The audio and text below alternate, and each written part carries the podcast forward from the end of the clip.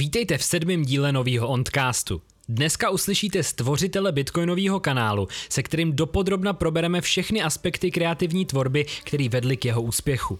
Jak vlastníma rukama postavit profesionálně fungující YouTube kanál bez formálního vzdělání, nebo jak si vydělávat prodejem animované grafiky, co by měl každý audiovizuální kreativec určitě vědět nebo umět, to všechno a mnohem víc se dozvíte už za okamžik.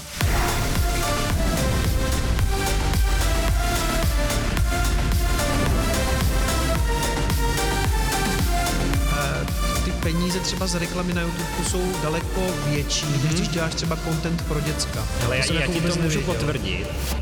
Takže dobrý den dámy a pánové, vítejte u dalšího dílu Ondcastu, tentokrát to máme se speciálním hostem, já bych tady chtěl moc krát přivítat Kicoma, pořád mi to nejde jako přes pusu to tvé jméno, já jsem strašně dlouho říkal Kikom. No tak to nejseš první ani poslední, kdo si to jako tak, on, asi je to tím, jestli jsi to někde neviděl třeba napsaný a pak mají tendenci ti lidi to číst jako anglicky, ale je to kicom, no, je to přezdívka už ze základní školy, ale to k tomu já teďka nic neřeknu, protože jsem slíbil svým odběratelům, že tu backstory tady toho Niku řeknu, až budu mít 100 000 odběratelů. Každopádně Ondro, moc děkuji za pozvání. Paráda. Tak už jsi se zmínil o svých odběratelích, tak já si můžu prozradit, že tady máš nějaký YouTubeový kanál. A já jsem si tě pozval v první řadě proto, že tvůj YouTubeový kanál, Bitcoinový kanál, mi přijde hmm. nejenom tím obsahem, který je strategicky vybraný, takže je strašně jako důležitý úplně pro každýho. To není jako, že se to hodí někomu a podle mě obsah z tvého kanálu se hodí úplně každému. Tak tou prezentací a tak tou formou, a o té formě se tady budeme dneska bavit nejvíc, je strašně jako dobře vyvedený. Musím říct, že to na mě působí velmi profesionálně a že už ze začátku já se musím držet, abych jako nezněl jako nějaká faninka tvoje. Ale strašně se mi líbí tvoje tvorba a dneska bych chtěl nějak jako podhalit, co všechno zatím stojí a jak se něco takového vlastně dělá. A plus si myslím, že to bude užitečný pro každýho, kdo tohle poslouchá i z toho důvodu, pokud se nemýlim, a tím můžeme začít naše nějaký první téma, že vlastně tě k tomu nedohnalo moc žádný formální vzdělání a že jsi z velké části samouk. Je to pravda mm-hmm. tohle? Jo, tak já moc napřed děkuju za ty obrovský slova chvály, že to tak vnímáš, to jsem rád. Um, myslíš jako, co mě dohnalo k tvorbě toho kanálu, nebo, mm, nebo obecně jako k videotvorbě teďka? Myslel jsem to tak, že jsi se dostal k takhle skvěle vybudovanému kanálu vlastníma rukama, aniž by za tebou stál prostě, já mám tady ten certifikát, tam mám tady tu mm-hmm, prostě mm-hmm. vysokou školu, já mám tady to. Jo. A jak člověk něco takového udělá? Jo, uh, to bude trošku složitější, nebo uh, máš, máš pravdu, že nemám vlastně žádný vzdělání tady v tom oboru, ale jako ve videu vlastně. A já jsem chodil na Gimple, pak jsem šel studovat eh, fakultu informatiky, takže eh, v Brně jsem vlastně studoval fakultu informatiky Masarykovy univerzity, ale já jsem jako už když jsem tam byl, tak jsem asi tušil, že nebudu programátor, protože moc mi to jako nešlo a jsem si tak spíš představoval, že budu řídit ty projekty IT a tak budu brát velký peníze za to. To je samozřejmě úplně milná představa, protože ty stejně prostě eh, se rekrutuješ nebo jako dostáváš se v těch firmách těm zajímavým projektům právě z pozice toho programátora, napřed třeba nějakého testera, programátora a tak dále. No a ale stejně jsem vždycky mě jako fascinovalo, um, fascinovalo mě video, nebo to, že můžeš něco tvořit. Já jsem někdy už v 15 letech dostal od táty digitální kameru. Já jsem hrozně chtěl digitální foťák, ale on eh, v té době, nebo ještě dřív, měl nějakou kameru ještě na VHSky a tak nějak jako inklinoval k tomu, že by se spíš měla koupit jako kamera. Takže my jsme si koupili, nebo on koupil digitální kameru, tenkrát asi za 40 tisíc korun, což bylo tenkrát ještě daleko víc peněz než dneska, protože inflace, ale to je možná na nějaký jiný díl. Každopádně digitální kamera, to byla Digital 8, digitální osmička od Sony. No já jsem s tím prostě všude možně lítal, když mi bylo těch 15-16 natáčel a úplně mě jako fascinovalo potom, když jsem zjistil, že to z toho můžu nějak jako dostat do počítače a nějak to zpracovávat. To jsem tenkrát dělal na, na Pinnacle Studio, no Pinnacle Studio, na tom já jsem vyrostl. No a e, to už to beru možná moc jako obšírně, ale prostě i v té škole, potom na té výšce jsem si vybíral předměty, které se toho videa nějak týkaly, protože mi to bavilo. Takže zpracování obrazu, akvizice obrazu, nějaké jako kodeky, všechny, jo, to, to, to, co bych tam měl studovat, jsem tam úplně nestudoval, bo takový ty, mm-hmm. takový ty předměty si samozřejmě nějaký povinný musíš nechat, ale všechny takový ty okrajový jsem si právě volil i jako fotografii, digitální zpracování, prostě všechny ty věci, co mě jako uh, zajímaly. A potom, potom jsem někdy po cestě objevil eh, video Copilot Andrew Kramera. Mm-hmm. Nevím, jestli znáš, ale většinou určitě, lidí, určitě. co dělají za After Effectama, ho znají. A tak to mě přišlo jako naprosto fascinující, že co najednou on v těch Afterech dělal a já jsem ty aftery tenkrát eh, samozřejmě někde jako asi popirátil, nebo nevím, nevím přesně, jak to prostě bylo a začal jsem si eh, v tom hrát, začal jsem si zkoušet, co ty After Effecty umí a, a bylo, bylo to neuvěřitelné, jsem si říkal, jako co v těch domácích podmínkách najednou jsi schopen udělat, jo. že um, prostě já předtím jsem něco stříhal v Pináklu, jenom tak jako domácí videjka a teď prostě jsem měl pocit, jako že mám eh, všechny ty nástroje, co mají ty jako velký studia americký. Samozřejmě tak úplně není, jo, ale prostě posunulo se to, to za ty roky tak, že najednou v těch domácích podmínkách mohl fakt jako dělat brutální věci. Akorát jsem proto neměl vůbec žádný využití, jo, protože co s tím, když někomu, když někoho umíš jako na záběru trefit bleskem, jo. Mm-hmm. Když já mhm. jsem tenkrát jako Um, když já jsem tenkrát komerčně, mě to jako tím, tím, že mě ta kamera bavila a tak, tak jsem přes léto, tak jak všichni chodili na brigády, tak já jsem natáčel svatby a v zimě jsem točil plesy. Prostě takový jako první moje vlastně podnikání, jo, že jsem se věnoval těmto věcem. Ale na co jsou ti všechny tyhle ty jako efekty, jako když říkám, trefíš člověka bleskem, ale to úplně s nevěstou nepotřebuješ. Jasný, jasný. Jo, takže, ale, zač, ale začal jsem si hrát s takovými věcmi, že jsem dělal starý film do toho, víš, že on tam má jednu to, to videjko prostě s takovým tím blikajícím starým filmem, kdy to fakt jako vypadá dobře, ne takový ten klasický efekt. No a, a pak jsem to zas long story short, ale chvilku jsem byl zaměstnaný, dělal jsem marketing, pak jsem se znovu vlastně vrátil, pak jsem se znovu vrátil k, té, k tomu videu a chtěl jsem dělat sám a vlastně komerčně jsem se pořád věnoval těm těm věcem, který tě nejlíp uživí, když něco umíš jako s obrazem, což jsou prostě v létě svatby a v zimě nějaký jako stužkovací plesy, že jo, to je takový to první, co tě nakopne, aby si získal nějakou práci, aby si vlastně na něčem mohl vybudovat i portfolio. No a nakonec jsem ještě objevil vlastně stránku um, VideoHive, kde se dali nebo dají prodávat šablony vytvořené v After Effectech.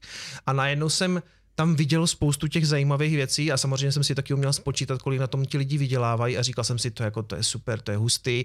A jsem si říkal, já budu stahovat ty šablony, vždycky si ju koupím a něco v tom zpracuju a hned to pro ty klienty bude jako vypadat líp, že jo? Prostě když prostě to nabuším nějakou takovouhle brutální šablonou, dám za to 30-40 dolarů, no ale pak jsi schopen to přeprodat samozřejmě daleko dráž, protože ti lidi mají pocit, jako, že se úplně jako Hollywood maker, že nechápou, jak jsi to jako udělal. Přitom a to, si to udělal ze šablony prostě. Udělal si to jako ze šablony, ale pro takový ty menší klienty to stačí. Jo? Mm-hmm. Prostě zvlášť, když prostě řekne, že jako je to šablona, stáhli si. Já jsem to celku jako přiznával, oni stejně netušili, o čem já mluvím, jim to bylo jedno, vypadalo to dobře a prostě, že by se někdy potkali s nějakou jinou šablonou, to je strašně jako malá šance. Jo?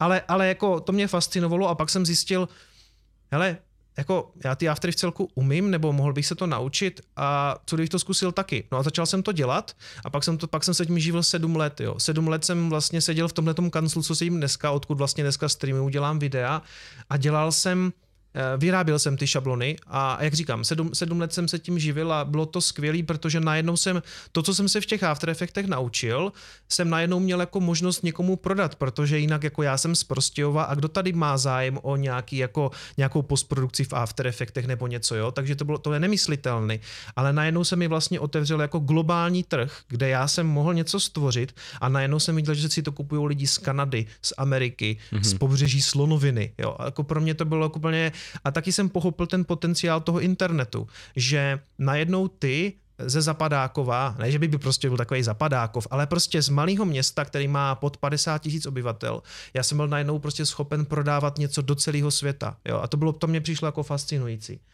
No a pak jsem postupně jsem tvořil a tvořil a pak jednu dobu mě to přestávalo bavit a začal jsem jako hodně asi tlačit na pilu i v tom, že jsem hledal projekty, které budou jako komerčně úspěšný. A myslím si, že to byl ten zlom, kdy eh, ti to jak vlastně přestane fungovat paradoxně, že už tě to tolik nebaví a spíš, spíš jdeš po těch číslech a najednou se ty moje projekty ani jako moc neprodávaly, já jsem čím dál víc byl takovej vyhořelej. A, a pak vlastně se objevil Bitcoin, kryptoměny, to mě fascinovalo jako téma a zjistil jsem, že vlastně u nás není žádný tvůrce, v Československu, který by to, nějaký kanály byly, jo, ale já jsem si říkal, že bych to jako, jsem si říkal, tohle bych udělal, tohle měl vysvětlit takhle a já bych to udělal jako sérii a poskládal bych to od prvního videa do nějakého, tak aby to mělo hlavu a patu. A tak jsme s, s bráchou jsem mu to tady někde vykládal, říká, tak proč to neuděláš, tak to udělej, přestaň o tom kecat a udělej to.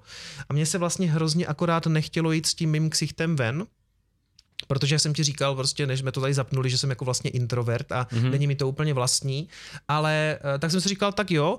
A najednou jsem mohl použít vlastně všechny ty svoje zkušenosti, co mám eh, z toho, co jsem dělal předtím, jo, že jsem eh, natáčel tou kamerou, takže já prostě rozumím tomu, co je jako je závěrka, čas, jak si mám nastavit ISO na foťáku, jo, jako co je vyvážení bílé. To jsem všechno znal, protože jsem točil ty nevěsty, kdy, když s tím poprvé začneš, tak je máš všechny přepálený, protože na automat jsou přeexponovaný, že jo takže... A, a když prostě... se ti do toho teďka vložím, hmm. tak tyhle ty věci si se naučil kde konkrétně? To, to si se naučil na těch volitelných předmětech na té škole, když mluvíš hmm. o základním nastavení foťáků a takhle, nebo to bylo už spíš jako z internetu vlastní? Ale vlastně strašně po cestě i na těch kamerách jsem si s tím různě hrál, až jsem pochopil, co která věc dělá, protože ještě si představ, že já jsem s tím začínal třeba to je hrozný, ale třeba před 20 lety, jo, mě Jasný. je 630 a tenkrát mi bylo 15, když mi ta kamera přistála v ruce. A ty věci na internetu vůbec neexistovaly. On byl, internet byl v podstatě v takovém zárodku jasný, jasný, a, no. a tyhle ty věci tam vůbec nebyly rozvinuty. Takže já jsem tak jako tápal a i na těch kamerách jsem tak jako zkoušel, co vlastně který tlačítko dělá a tak nějak přirozeně jsem k tomu jako došel.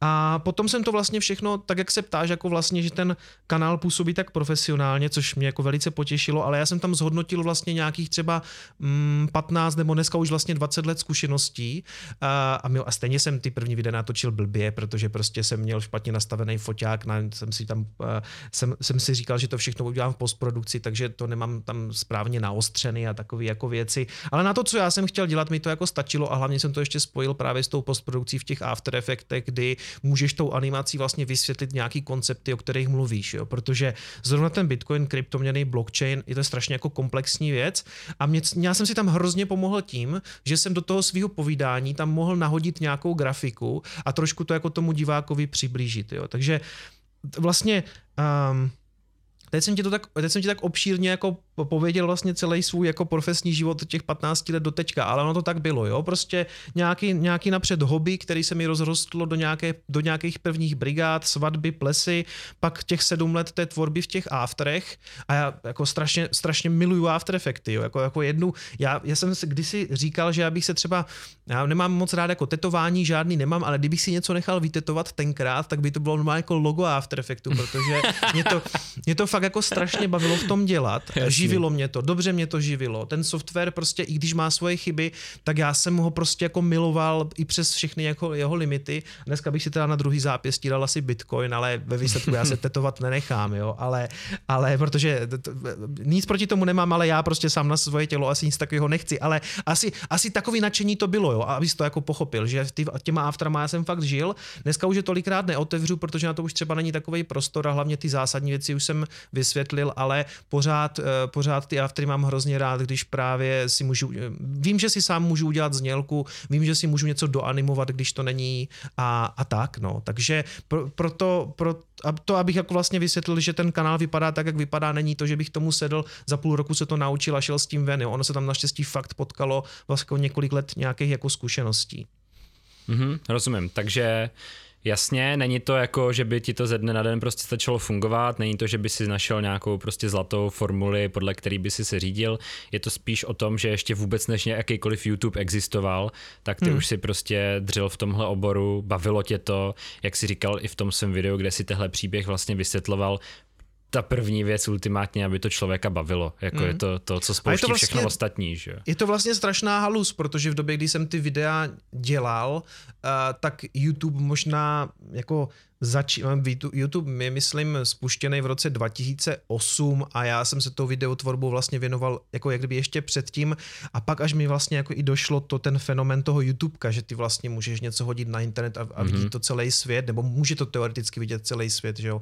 Mě dneska píšou třeba nějací krajani, jako moji fanoušci, kteří mě třeba sledují ze Zélandu nebo z Kanady a to si uvědomí, že jako zase ten zásah toho internetu, jaký vlastně může být, mm-hmm. že ty mm-hmm. něco tvoříš tady z Prostějova a sleduje to někdo prostě v Kanadě. To je jako prostě neuvěřitelné. To je úžasný, já, no. jsem, já jsem tím úplně fascinovaný jako do teďka.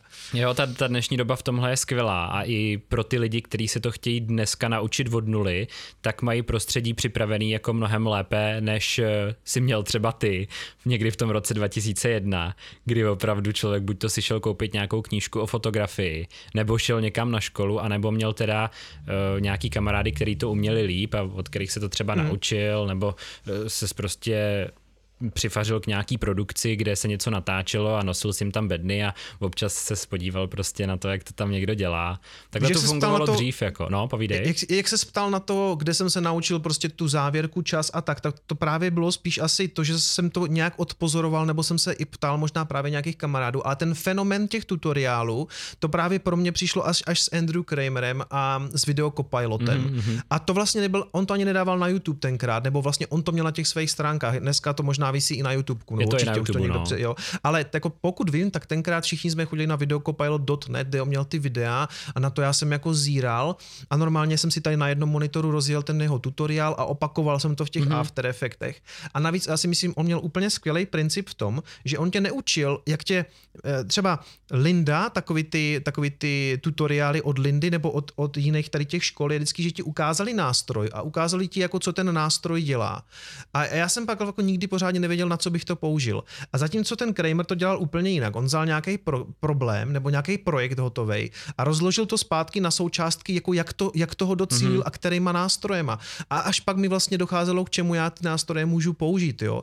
A jako vděčím tomu člověku za jako fakt část svojí kariéry. Jako moc, moc bych rád tady jako vyzdvihnul ty jeho, kdo začíná s After Effectama, tak podle mě musí sjet celý video Copilot, protože prostě to je úplně jako zlatý zdroj zadarmo. Neuvěřitelný. Helejte, tak už tady máme v rámci sedmi podcastů druhýho člověka, který vám říká přesně tuhle tu věc, protože je to vtipný, ale úplně to samý mě říkal Mikýř, a.k.a. Martin Mikiska, když jsme ho tady měli, eh, který se od Andrewa taky učil a já můžu říct, že já jsem se od Andrewa taky učil, protože ačkoliv s Afterama v dnešní době nedělám a dělám v DaVinci Fusion, což je takový jako ekvivalent rádoby, ještě tam není jako úplně, úplně všechno a o tom bych se s tebou chtěl taky pobavit, mm-hmm. tak s After Effectama taky umím do určitý míry a Andrew Kramer a jeho tutoriály jsou skvělí přesně v tom, co ty říkáš. On tě vlastně na ten tutoriál naláká tím, že ten výsledek, i když to trvá třeba jenom 30 minut nebo 25 minut, tak tam je nějaký ultra hustý výsledek, který prostě vypadá jak nějaký hollywoodský efekt za miliony dolarů.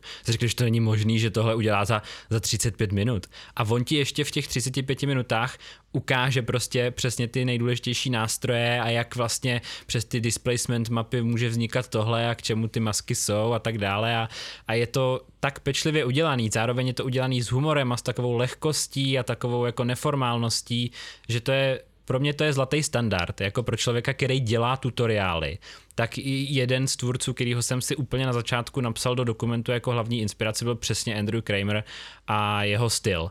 A tě, těžko jsem hledal jako nějaký věci, co on dělá blbě, na kterých já bych mohl jako vylepšovat, jo? co bych mohl udělat jako třeba lépe nebo tak.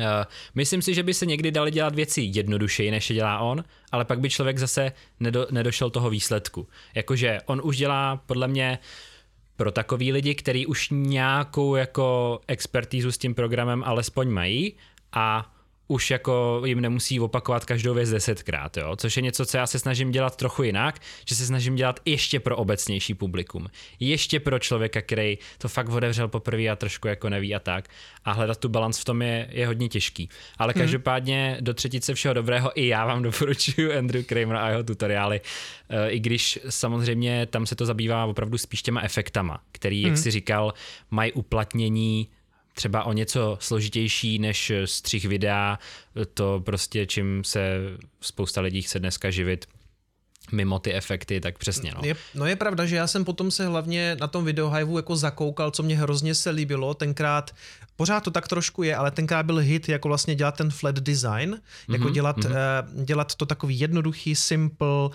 základní tvary, jednoduchý barvy a já jsem chtěl dělat ty explainery, jo, a to není něco, na co on tě jako úplně připraví, protože jak říkáš, on dělá spíš VFX a já jsem chtěl dělat motion design.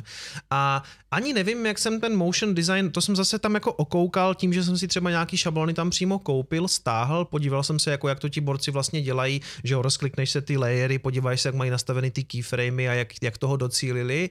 A pak se naučíš prostě dva takový ty příkazy na, na bounce a overshoot, aby mm-hmm. prostě to, to tam nezůstalo stát, ale aby to dodělalo nějaký jako pohyb a tak a to byly dva moje jako nejoblíbenější a začal jsem dělat vlastně ty, ty explainery na tom videohiveu a tam jsem se možná začal, tam jsem se možná jako naučil i jako vysvětlovat věci vlastně, víš, jakože mm-hmm. na, na tom videohiveu byla, je, je nejoblíbenější nebo nejstahovanější a taky jako komerčně nejúspěšnější ta série těch mojich jako explainerů a, a toho se vlastně prodali dneska už jako tisíc tisíce kusů, nebo tisíce kusů licencí hmm. a vlastně jednu dobu mě to jako normálně živilo a jako já jsem měl v celku pohodu i takovou tvůrčí, že Mm, já jsem dělal třeba jeden projekt za měsíc, jo? nebo, nebo jednu dobu to bylo i jeden projekt třeba za dva měsíce, že měsíc jsem spíš tak chodil a přemýšlel jsem, co by dalšího se dalo jako udělat, pak jsem přemýšlel týden, jak se psat, jako, já jsem byl taky jako dost línej mimochodem, jo, a nic mě moc netlačilo, protože peníze z toho jako nějak chodily a mm-hmm. jako, eh, já jsem měl v celku Fox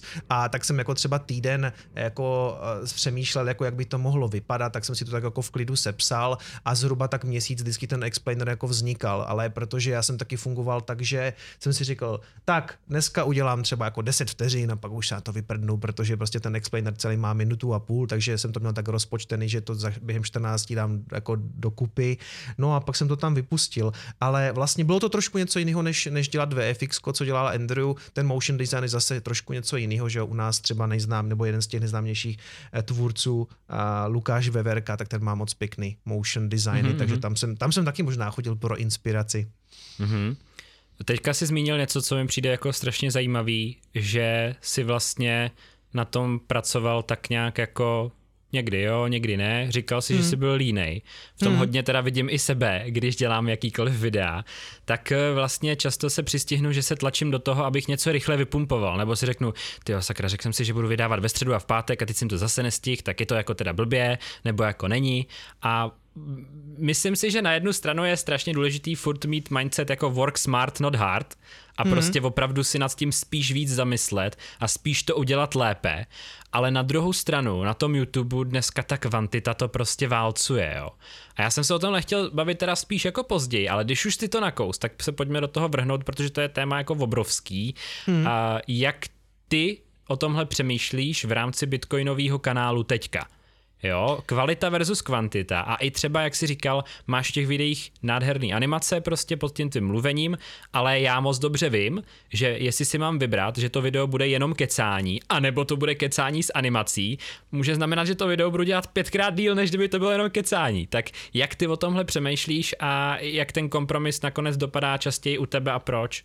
No to je strašně dobrá otázka, na kterou já vlastně neznám úplně odpověď, jo, protože Když jsem s tím kanálem začal, tak jsem vydával jedno video týdně. Jo, já jsem, jak mě pořád netlačil právě úplně tolik příjem, protože pořád mi chodili nějaký peníze a vlastně do dneška chodí i z toho videohiveu, ale už dneska už je to teda strašně málo, ale musíš se podívat jako nějaký dva roky dozadu, kdy z toho ještě pořád něco jako chodilo, měl jsem celou klid na to, vlastně týden přemýšlel o tom, o čem to video bude, ale řekl jsem si, že si dám nějaký jako standard, že fakt bude vycházet jedno video týdně. A to jsem jako dodržoval, že to vycházelo v to úterý. A taky když se, když se tak aspoň poprvé podíváš, jako jak by měl vzniknout ten YouTubeový kanál, tak on by měl být jako nějaký pravidelný i kvůli tomu, že se ti tam vrací samozřejmě ti lidi, kteří si v to úterý přijdou pro tu svou dávku uh, toho tvýho kontentu. Takže, myslíš si, že tohle je hodně silný? Jako myslíš si, že tohle je jako alfa a omega? A nebo že to je jenom takový jako lehký doporučení? Uh, není, ale na začátku, když ten kanál startuješ, tak i pro sebe, pro mě to byl takový dobrý bitch, jako hele, neupadnu prostě v tu svou klasickou lenost a prostě každý týden to vyjde, jo, každý úterý. A jestli to pomáhá YouTubeovému algoritmu, nebo jestli lidi prostě přirozeně třeba psychologicky přicházejí s tím contentem, já jako úplně nevím. Ale stanovil jsem si to, že pokud, já jsem se tenkrát rozhodl v podstatě, když jsem to začal dělat, ne, že pekařina bude, jako já jasná volba, ale, ale že prostě do budoucna chci, aby mě to nějak živilo. Jo. A tam samozřejmě musí přijít nějaká disciplína, abys prostě úplně jako nelelkoval a bylo ti jako všechno jedno. Jo. Ale dělal jsem to takhle ten každý týden, dodržel jsem to a taky jsem vybudoval jak kdyby ten základ, co ten bitcoinový kanál dneska je, podle mě se jak kdyby udělal ten kanál právě na těch fundamentálních videích, kde mm-hmm. v těch prvních třeba 10, 15, 20 videích já jsem vysvětlil jako to nejdůležitější pro to, abys ten bitcoin pochopil. Jo. A pak jsem viděl, že ta komunita mě má ráda a že, že by vlastně chtěli další content a přibylo k tomuto Coinespresso, který vlastně mě jako baví a vydávám ho rád a pak ještě streamy, ale najednou jsem se dostal do takového jako presu, že najednou toho z mé strany vycházelo vlastně hrozně moc. Jo. To máš mm-hmm, jako mm-hmm. streamy, na které já se musím nějak připravit, Coinespresso a teď třeba ta komunita říká, kde jsou ty fundamentální videa, které byly na začátku, ty už se na to úplně vykašlal. A já hrozně chci, aby jsem tam jako jednou za čas vždycky nějaký přišlo, ale já už nemám čas, já už to tam prostě nenacpu, nebo jsem tam se fakt snažím, ale když už to má být zase znovu s těma animacema, když už to má být trochu promyšlený se scénářem, tak já prostě ve svém životě už teďka úplně ten čas nenecházím, protože navíc jako já, a vím, že je to ultimátní jako výmluva, jo, ale já mám dvě děti, teďka vlastně mají rok a půl a to byla změna i v rámci toho mýho kanálu. Já jsem předtím děti neměl, dělal jsem jedno video týdně, takže jsem si mohl dovolit jako produkovat vlastně vysokou kvalitu s relativně jako nízkou kvantitou a vytvořil jsem si takový base layer pro to, co je to jako dneska. Teď jsem k tomu přidal další formáty, ale do toho mi přibyly plus dvě děti na jednou, dvojčat. A, a, a ten život se dost jako samozřejmě změnil a, ta, ta, a, teď, a někdy jsem se právě třeba na jaře právě jako cítil pod tlakem, že lidi chtěli video a musí to být takový a cítil jsem takový to, že se dostávám do nějakého jako vyhoření, nebo že by to jako mohlo přijít a že musím zpomalit a to je jeden z důvodů, proč třeba na léto jsem si dal volno, jo, nebo vyšlo jako relativně málo videí. Takže vidíš, že jsem ti ani nebyl vlastně schopen odpovědět na tu otázku. A já si myslím, že každý tvůrce by si měl dát nějaký nějaký třeba jako minimum videí, který chce vydat, nebo aspoň se toho nějak držel, že třeba aspoň jedno týdně vydat. Ne možná kvůli tomu YouTube, protože ano, ta kvantita je tam jako šílená, jsou jako tvůrci, kteří dělají video denně a vidím, že jim ty čísla prostě jako rostou a jo, a, a, a, a úplně kvalitní to třeba není, když jsou to jako denní videa, a, ale ty čísla na tom nasekáš, ale já zase nepotřebuju čísla úplně za každou cenu, jo, takže Rád bych se třeba na ten podzim vrátil k tomu, že výjdou i nějaký ty fundamentální videa, ale um, je, je to těžké, je to tě, jako um, te, mě, i, i když tomu ještě přidáš to streamování a vlastně tu práci s tou komunitou jako živě, tak ona je to taky jako náročný, že jo? Jako ve smyslu, že pak si čteš ty komentáře, co zase řekl špatně a že tohle znevěděl a že a samozřejmě, že si to trošku jako i zabíráš, když si to ne, nechceš třeba úplně přiznat, ale, ale jak, jak vyvážit kvalitu s kvantitou, ne, dobrá otázka, neznám na ní odpověď. Pořád mm-hmm. ji budu hledat, jo. Ale já jsem vlastně relativně i novej na tom YouTubeku pořád, dělám to dva a půl roku, což podle mě není zase tak moc a já se vlastně furt učím, jo, já, já nevím. Já, mm-hmm. teď, teď jsem si třeba řekl, že to spíš stáhnu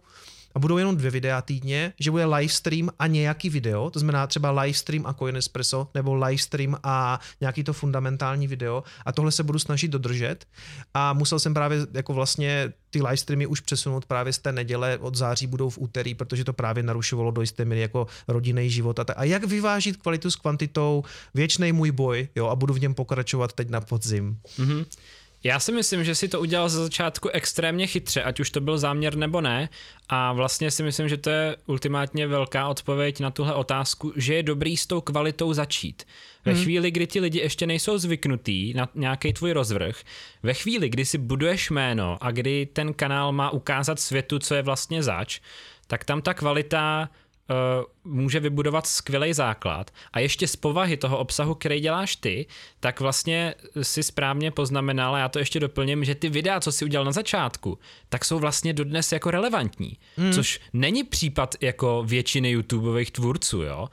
Jsou channely, které jsou prostě navržený tak, že vydáš dneska content, který mluví o něčem, co se stalo včera a zítra hmm. už to bude nerelevantní. Třeba jo, a na tom e, jako buduješ ten kanál furt vlastně od nuly, furt vlastně ten tvůj channel je to, co jako z něho děláš. A samozřejmě, že každý YouTubeový kanál se vyvíjí, ale myslím si, že tvůrci jako ty mají velkou výhodu v tom, že můžou udělat ten evergreen content, hmm. který přesně máš skvělou adresu, prostě úvod do btc.cz, jo, to je, to je podle mě úplně jako geniální, protože mít prostě YouTubeový playlist takhle jako obrandovaný, když to řeknu, mít k němu takovejhle přístup, tak vlastně zúročuje jako násobí tu práci, kterou ty si do toho vložil na tom začátku s tou kvalitou neuvěřitelnou a teďka, teďka ti to právě umožňuje dělat si ten long form content typu těch streamů nebo toho Coin Espressa, kdy vlastně jsou to podstatně delší videa. Je to, je to jako víc minut který hmm. tobě ale zabere méně hodin práce. Jo.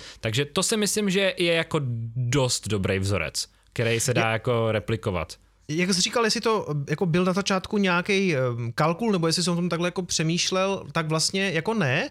Já jsem, uh, mě nenapadlo, nebo nevěděl jsem, jestli do budoucna budu dělat něco jako ty zprávy, jo, to Coin Espresso. To jako jsem viděl, že ty lidi o to trošku jako projevovali zájem a sem tam se i ty zprávy aktuální objevily v těch mých videích, takže dneska už třeba ta část v tom videu není tak jako relevantní, ale říkal jsem si, OK, mě vlastně vždycky bavilo a doteďka baví třeba sledovat jako reakční kanály. I když mají přesně ten lifespan, o kterém jsi jako mluvil, že oni reagují na něco, co se stalo včera a zítra to nebude platný, protože něco, jo, to nějaký kauzičky a tak. Mm-hmm. A mhm. vlastně jsem to do jisté míry přenesl i do toho Coinespressa, kdy já už jsem taky v tom trošku jako reakční kanál, že reaguju vlastně na ty zprávy, co se staly, nebo uh, už je to dneska tak, že lidi vlastně jako zajímá, co já si o tom myslím a pak se společně můžeme hádat, jestli ten můj pohled je dobrý nebo špatný, ale prostě za, někoho zajímá, co já si o tom myslím. Já se tak na tom internetu vykecám, vlastně mě to baví taky. No a ty live streamy, tam jsem vůbec nepočítal možná s tím na začátku, nebo vůbec, to mě vůbec nenapadlo, že bych někdy live streamoval. Vůbec, jako to, to když jsem začal ten kanál dělat, tak bylo pro mě nepředstavitelné vlastně jít s tím ksichtem jako introvertním ven a že bych se nakonec dostal k tomu, že budu dělat live streamy, toho, to mě vůbec nenapadlo. Mm-hmm. A mhm. pak jsem z toho měl hrozný strach a hrozný jako nervy u těch prvních, i když já doteďka mám mimochodem nervy před každým live streamem, já jsem takový, že to musí všechno fungovat, technicky to musí být podchycené, když se mi něco sere technicky, tak jsem z toho hrozně nervózní, vždycky mě to jako vykolejí, ale Mm, já takhle vlastně na live streamu poprvé jsem byl pozvaný eh, ke standovi do Standa Show, kde to teda jako skončilo hroznýma pivama, ale t- protože on prostě umí toho člověka taky hodit do pohody, jo. Ale tam jsem si jak kdyby vyzkoušel, jako jak ten live stream funguje a bylo to vlastně taky fascinující, že tam jako live sedíš a dívají se na tebe lidi, teď vidíš na tom počítadle, že jich tam třeba tisíc a tak, jo. A bylo to vlastně jako fascinující, já jsem si říkal, uh, jo, jako já to zkusím taky, jo. A je to samozřejmě jako skvělá věc taky pro nějaký navázání nějakého kontaktu s tou komunitou, že si tak jako povídáte, jo, a ty reaguješ na ten chat. Je to zajímavý, jako jsem tam jsem viděl, že jo, Agraela a tady ty jako přední streamery, že um, to mají fakt jako mm, pro ně už je to jako denní chleba, jo. A já jsem fakt jako vždycky, když tam jdu, tak jsem jako nervózní, takže, takže tak, no. Takže vlastně a, a je to dobrý i v tom, že Eh, tak jsi říkal, že jsem vytvořil ten evergreen, ten úvod do Bitcoinu, tak on je dobrý, že na těch videích pořád jako jsou nějaký i čísla, jo, takže ono to sem tam vynáší, nebo vytvořilo to takovej, mm, takový dno pro výplatu jako reklamy vlastně na, na YouTube, takže i když jako přes léto si dám oraz, tak mi přijde i něco prostě jako vlastně z prodané reklamy na YouTube, jo, víš, jako že pořád to jako vlastně někdo sleduje, protože pořád je to relevantní, mm-hmm. takže v tom je to jako taky fajn, takže tak, no. Super, super, no. Eh, ještě bych k tomu chtěl určitě doplnit, co si taky zmínil, že ten tvůj obsah v podstatě musí mít nějakou úroveň kvality, na rozdíl třeba od nějakých jiných uh, YouTube kanálů, protože pracuješ do určitý míry jako s faktama, pracuješ do určitý míry s důležitýma informacema, do určitý míry, ať chceš nebo nechceš, tak ovlivňuješ jako třeba finanční rozhodnutí lidí a s tím tam přichází nějaká jako vyšší zodpovědnost a tím pádem tvoje příprava na stream si hmm. dovolím říct, že musí být jako logicky daleko větší nebo příprava na Coin Espresso než někoho, kdo třeba jako hraje hry. A tím nechci schazovat jako herní tvůrce, já sám jsem jako byl strašně dlouho herní tvůrce, vím, že zatím je taky jako obrovská, obrovská porce přípravy a jak to udělat, jak to udělat zábavný a aby člověk nevyhořel, aby těm lidem dopřál to, co oni chtějí, ale Tehle obsah, kdy se snažíme jako vzdělávat ty lidi, tak je náročný zas úplně jiným způsobem. A je to přesně o tom, že pak někdo přijde a bude se s tebou hádat a, a bude ti říkat ať už úplnou blbost, kterou můžeš jako hnedka zvrátit, anebo třeba přesně najde opravdu nějakou chybu v tom, co jsi mm. řekl.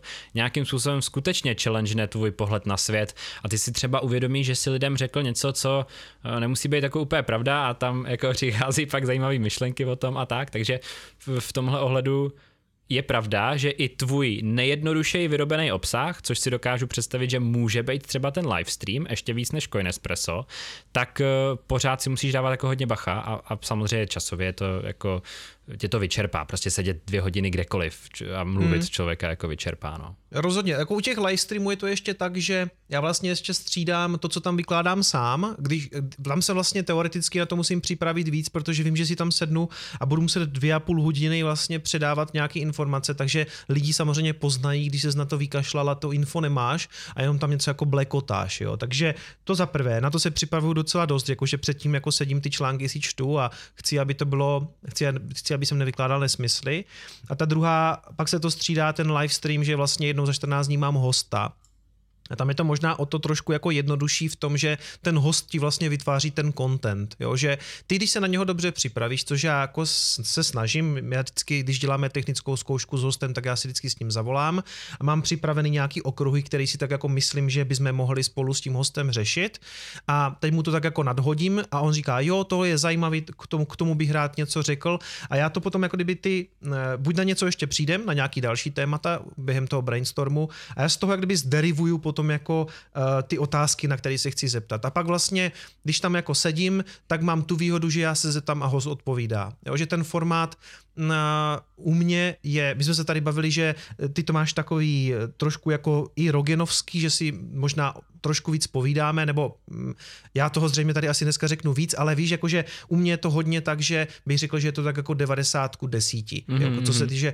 že, já, že, že já se hodně ptám a nechávám tomu eh, hostu jako velký prostor, ale ti lidi tam jdou kvůli tomu hostovi, protože mě už mají plný zuby. Jo? Respektive já jsem tam jednou za 14 dní sám, něco to, a, ale u těch kryptoměn na toho vzdělávání je to trošku něco jiného, než, než to, co tady řešíme dneska spolu, jo? abys to nevzal nějak zle a mně se ten formát takhle jako líbí. Jo? Jenom mm-hmm. prostě mm-hmm. že já tomu nastavený, že, že víc jako se z těch hostů snažím dostat nějaký moudra, protože často ti přijde člověk, který prostě je extrémně chytrý, extrémně v tom daném tématu jako vzdělaný a ty vlastně mu chceš dát, jenom z něho chceš vytáhnout všechno to moudro, který v něm je a, a přinést to těm divákům. Ale uh, to si v celku jako užívám, protože když to mám dobře připravené, mám dobré otázky, tak obvykle ty live streamy si pou úplně sami, jo, protože samozřejmě to musíš trošku řídit, jsem tam se ti nějaký host rozkecá třeba o něčem moc, to je typicky jako spíš můj případ, že já, já tak jako furt melu, ale um, jo, prostě snažím se uh, snažím se moc jim do toho nevstupovat, na druhou stranu prostě on taky, když přijde na, nějak, na nějaký zajímavý téma, tak ho jako rád rozvedu. Ale vlastně jsem chtěl jenom říct, že se to snažím mít takový jako dynamický, že jednou jsem tam já, jednou je tam host, jednou vyjde mm-hmm. Coin a tak se jako snažím vlastně mezi těma formátama pro toho diváka přepínat. Mm-hmm. No na mě to jako outsidera, který na to kouká opravdu jako kon- consumer, na ten tvůj mm. obsah prostě jsem jako jeho, jak se řekne česky, nevíš? Jsem jeho spotřebitel, jsem jeho... Uh, asi konzument, nejlepší konzument, slovo, tak, konzument. No. A to, to zní, to zní teda mimochodem taky divně, si představit, jak ten, jak ten obsah někdo jí, jako víš, ale... ale... Jo, jo, jo. Já když na ty tvoje videa koukám, nebo na ten channel právě z pozice toho jako pozorovatele jenom, tak mi to přijde jako strašně disciplinovaný a ucelený všechno. Jakože nepůsobí, nepůsobí to na mě ani trošku chaoticky. A když hmm. já se podívám eh, z pohledu tvůrce na, na, na svoji tvorbu a vidím jako všechno, co dělám já, tak mi to naopak přijde jako extrémně chaotický. A strašně mě zajímalo, a to napište zase vy, kdo posloucháte do komentářů, jak to třeba vy vnímáte u mě, jestli vám to přijde jako hezky ucelený a že vím, co dělám, anebo jestli vám to přijde jako totální prostě horská dráha tady, jako jo. A o tom se taky chci ještě teda uh, určitě pobavit později, ale teďka bych se chtěl zeptat v návaznosti na to, co jsi říkal a že třeba nemáš tolik času a že je těžký to balancovat, co ti nejvíc zjednodušuje tu efektivní tvorbu, třeba dneska, co si na začátku nedělal, nebo si to obcházel nějak složitě. A klidně se neboj být jako technický nebo konkrétní, mm-hmm. anebo naopak obecně povídej, co máš, co hmm. máš jako na, na srdíčku ohledně tohohle tématu. Jsem na začátku jsem to nějak natočil a točil jsem to takového toho flat profilu, že si to jako potom pěkně všechno pobarvím a vyladím si to v té postprodukci, což možná i šlo na začátku, protože jsem na to měl čas, měl jsem ten týden na to zpracování, ale pak jsem zjistil, že co nejvíc vlastně Uh, těch věcí musím správně nastavit prostě na těch kamerách, jo, takže jsem postupně přešel na lepší foťák, který už automaticky ostří, jo, jako, uh, jako protože já jsem měl předtím 80D, to neumí přeostřovat prostě během, aut, automaticky během toho záznamu, když to posílá, když to posílá vlastně signál přes to HDMIčko do počítače, takový jako, mm, protože, no prostě, dneska se soustředím na to, aby většina uh, té přípravy byla už v té preprodukci a produkci, aby v podstatě mi do počítače už dolezl co nejvíc jako čistý signál. Jo? Dřív jsem třeba natáčel do foťáku na kartu a tady jsem si natáčel zvuk do mikrofonu jako do počítače. To já a dělám post... dodnes, no. mimochodem. Jako no. A postupně jsem přišel na to, že ať natáčím cokoliv, tak to jede z těch foťáků vlastně rovnou na počítač, už se synchronizovaným zvukem, takže se to celý to vlastně řídím přes OBS. Jo? Rozjedu si OBS, vidím obraz, zvuk, natočím to, takže si to ukrátím o ten krok, kdy v té střížně řeším nějakou synchronizaci obrazu a zvuku. To mě zdržovalo. A dělal jsem si grading uh, jakože barevný korekce, což já mimochodem ani moc neumím. Já na to prostě nemám, uh, na to jsem nenakoukal dost tutoriálu, takže jsem to dělal tak podle, podle nějakých dvou, jako nějaký rad. A pak jsem zjistil, že když si to studio dobře nasvítím a nastavím si v OBS nějaký základní parametry, jakože si, já nevím, vytáhnu trošku barvičky, vytáhnu si trošku kontrast a naopak to utlumím na foťáku. Na foťáku mám víceméně takový jako flat profil, nebo mm-hmm. všechno mám víceméně vynulovaný a akorát to dotahuju právě v tom OBS nějakým nastavením. Tak vlastně s tím obrazem a zvukem už nic nedělám. A jako ve střížně. Stejně tak, když jsem natáčel první Coin Espressa, tak já ani nevím, jaký ten setup přesně byl, ale já jsem si natočil sám sebe proti tomu zelenému plátnu a, a zvlášť, jak kdyby to, co se děje na obrazovce, a pak jsem to spojoval a klíčoval až v té střížně. Zase, strašně mě to zdržovalo, takže mm-hmm. postupně jsem přišel zase na OBS.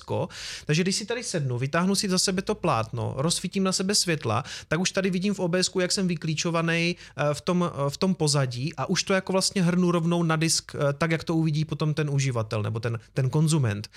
A jediný, co dneska v Coinespressu vlastně ve střížně se dělá, tak já vyhazuju všechen ten odpad, co jsem řekl špatně, samozřejmě jsem tam si totiž začnu jak kdyby znova, že jo, a, a takže máš tam nějaký jako odpad, co vyhodíš, plus tam dám ty předěly, a ty, takový, takový ty jingly, do kterých se vždycky hodí potom jako na YouTube reklama. A Plus mám předudělaný dopředu takový to, jako že grafy sleduju na TradingView, protože to je nejoblíbenější nebo nej, nej, nejrozšířenější dotaz. Prosím tě, v jakém programu sleduješ grafy? Jo? To se objevovalo pod každým videem, takže jsem kvůli tomu udělal prostě uh, tady, ten, tady to videjko s průhledným pozadím, který tam vždycky jenom frknu a snažím se to vlastně pro sebe udělat tak, aby ta práce v té postprodukci byla co nejrychlejší, hlavně u těch Coinespress, protože tam máš třeba ten graf a cenu a já to chci vydat tak, aby to úplně nezestárlo a u Bitcoinu někdy prostě nevíš dne, hodiny, on ti vypumpuje o 2000 a to video už není relevantní, jo? takže to chci, aby bylo co nejvíc venku. Ale Zároveň já jsem hrozně rád, kdyby do těch prvních videí dával ty memečka, všelijak ty videjka z internetu, co jsem stahoval. To mě jako, a ono to ve výsledku eh, žralo hroznýho času, protože já jsem si říkal, jsem bych potřeboval něco a teď jsem jako hledal, protože vždycky ti nenapadne nějaký mem, no, který jasně. se na to hodí, ale chceš najít třeba, nevím, týpka, jak spadne do bazénu a teď hledáš a procházíš prostě milion fail army videí, než jako mm-hmm, něco takového najdeš. znám. A prostě najednou jsem seděl tři hodiny a už jsem byl, už mě, už mě to nebavilo ani ty memečka, jo. Dneska už tím možná daleko víc šetřím, do CoinExpress to dávám jenom, když vyloženě mě něco napadne, tohle bych tam mohl jako, aby mě to nezdržovalo, aby to šlo ven, jo. Ale u těch fundamentálních videí jsem taky jako ubral z těch memeček, protože na začátku jsem to přeháněl, protože mm-hmm. když začneš, tak neznáš přesně tu míru ani jak to budeš vnímat ty. A třeba po roce to vnímám tak, že na začátku jich bylo fakt strašně moc. Třeba v jednom tom videu s tou cenou ten Trump je tam úplně jako extra extrémně otravný a, a, pí, a píšou, píšou mi pod to lidi prostě, no jako musel jsem to v půlce vypnout, protože mi ty memečka jsou jako hrozné. Já si říkám, co s tím mám ty vole po dvou letech dělat? Jo? Jasný, jako, jasný. Já vím, že jsem to trošku překotil, no tak jsem to neuměl, jako bylo to, jako uh, vlastně i když, jsem, i když jako umíš stříhat a umíš s Aftrama a umíš s DaVincim, tak eh, se učíš takové věci jako nějakou, nějaká, nějaká dramaturgie toho, no, toho, eh, toho videjka. A to jsem neuměl, učím se to, to do teďka, jo. Ale abych odpověděl, opět se vždycky tak rozkecám, jo, ale uh, abych chtěl odpovědět na tu otázku, snažím se co nejvíc těch věcí vlastně přinést do té produkční a preprodukční fáze. Dobře to připravit a dobře to natočit, abych pak v té střížně nestrácel víc času, než je potřeba. Zvlášť, když se snažíš i o nějakou kvantitu.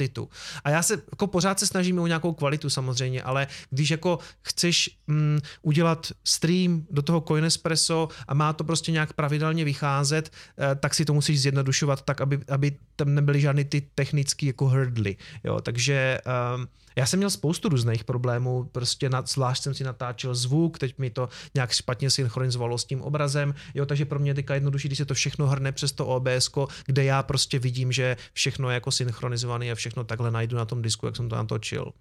To je úžasný. Hele, úplně skvělý návod. Jako myslím si, že velmi dobrý návod pro každýho, kdo by chtěl začít od začátku dělat videa rychle a efektivně je tam něco, co dodnes jako straší neracionálně i mě a proč já furt tahám jak blbec videa z SD karty a přesně Canon mi natočí 8 minut, pak to splitne, já si hmm. to vesele musím pospojovat. Já mám 70D, mimochodem natáčím hmm. na ně už asi 5 let hmm. a myslím, že ta kamera jako je dostatečně schopná a vyhovuje mi obrazovou kvalitu a vytáhnu z ní dostatek toho, co já potřebuju. Já jsem strašně jako konzervativní, co se týče budgetu na tu tvorbu, že se snažím všechno dělat strašně jako levně. Snažím hmm. se nekupovat hmm. si zbytečnosti, snažím se prostě za to tolik neutrácet. Přitom mi to ty peníze jako vydělává a jako mohl bych, jo, ale prostě eh, říkám si, mám tady ale... USB mikrofon 6 let, je dobrý, proč bych ho měnil, proč bych si kupoval zvukovku a tak dále, jo. Já s tím souhlasím, ale pust do toho ty peníze, když to umožní zefektivnění té tvorby. Jo, jo, jo, jakože jo. prostě, já jsem, já jsem taky nepotřeboval z 80 D jít na 90 D, ale uh, je tam nějaký ten problém u té 80, že ty, když máš automatický ostření, tak on ti nechává do záznamu takový ty, on, on ti ven z HDMIčka háže takový ty čtverce, víš, ostřící, mm-hmm. úplně, úplně dementní, že to že tam, nechali. Ne, nemůžeš vypnout a, ten overlay prostě. Jo, no. přesně tak. A 90 D už má čistý jako výstup na HDMI mm-hmm. a prostě jo, jo, zaplatil jsem za foťák vlastně úplně jako nesmyslných nějakých 30 tisíc kvůli tomuhle tomu, ale mě to tak zjednodušilo život a tu tvorbu, že zřejmě ta efektivní práce už to jako vrátila zpátky. No a taky můžu, taky můžu na streamu třeba lidem něco ukázat takhle, protože když jim to prostě podám proti tomu objektivu, tak on mi prostě přeostří. Ten autofokus jo, funguje. Hmm. No, no, no. A, a je tam jako spousta věcí, že uh, tady jsem měl nějaký jiný mikrofon, ale přešel jsem na tohleto, protože um, prostě je to kvalitnější pro ty lidi, co to dneska i poslouchají prostě na Spotify a podcastových platformách. Já jsem tady měl eh, shotgun mikrofon, jo, nějakou, nějaký NTG1, který byl uh, Rode, který tady byl na stole a směřoval na mě, ale prostě uh, bylo tam slyšet, když jsem bouchl víc do stolu a to a, a mm-hmm. snaží se to jako udělat um, já, já jsem trochu jako magor do té techniky, že, že jsem tam jako lidi měli pocit, že jsem do toho nadspal třeba zbytečně moc peněz, ale mi to fakt strašně usnadnilo práci, jo, jakože ve výsledku já jsem efektivnější. No. Jasně. Já si myslím, že to, co zjednodušuje, tak je vždycky jako dobrá investice a, a musím se do toho konečně už taky dokopat, mm-hmm. co se dá dělat. Jako ten, ten Elgato Camlink, to je tak prostě používáš ho, předpokládám? Nebo ne, máš ne, to člověče, jiný, to je jiný další z věcí. Já jsem, já jsem rovnou šel do, uh, to je Mm, od Black Magicu vlastně, jo, kteří, od Black Magicu, od Black Magicu a je to, je to Decklink Decklink Quad HDMI, to znamená je to karta, která má 4 HDMI vstupy.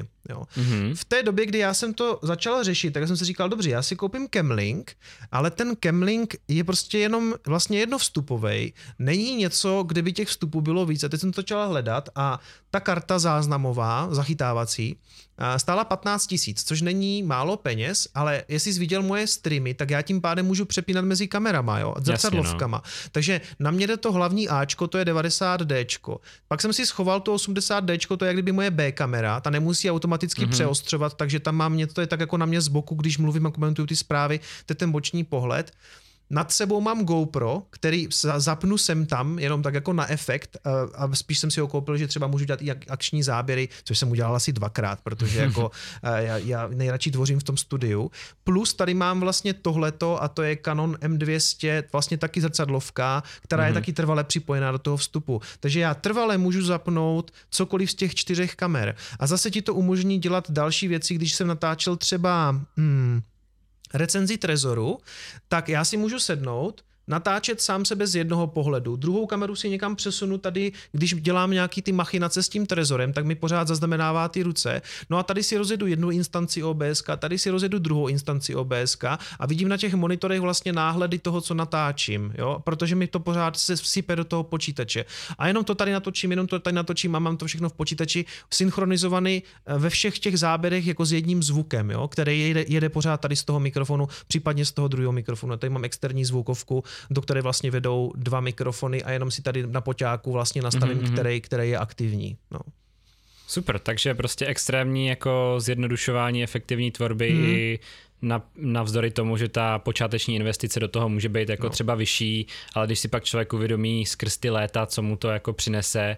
Jako ta technika, co jsem si nakoupil já, tak přesně všechno, co tady mám, tak mi prostě slouží jako strašně dlouho a jako t, ty peníze se mi z toho vrátily prostě hmm. víc než stonásobně třeba jako ze, ze spousty těch věcí. Z počítače možná ještě ne, ale jako z, z většiny ostatního vybavení jako určitě. Takže já s tímhle souhlasím, pokud to člověk má jako podnikatelský záměr a opravdu to myslí s tím Já vážně, jako tak... taky eh, nejsem ten, který by poradil klukovi, který se ho zeptá jako co si má nakoupit na mhm, natáčení, mm-hmm. když chce začít, tak, tak mu řeknu prostě, hele, jestli chceš naučit točit a stříhat, tak si klidně vytáhni prostě telefon, zkusí no, natočit pár pár záběrů a zkusit to sestříhat, abys hlavně věděl, jestli tě to baví, jestli to má nějaký smysl.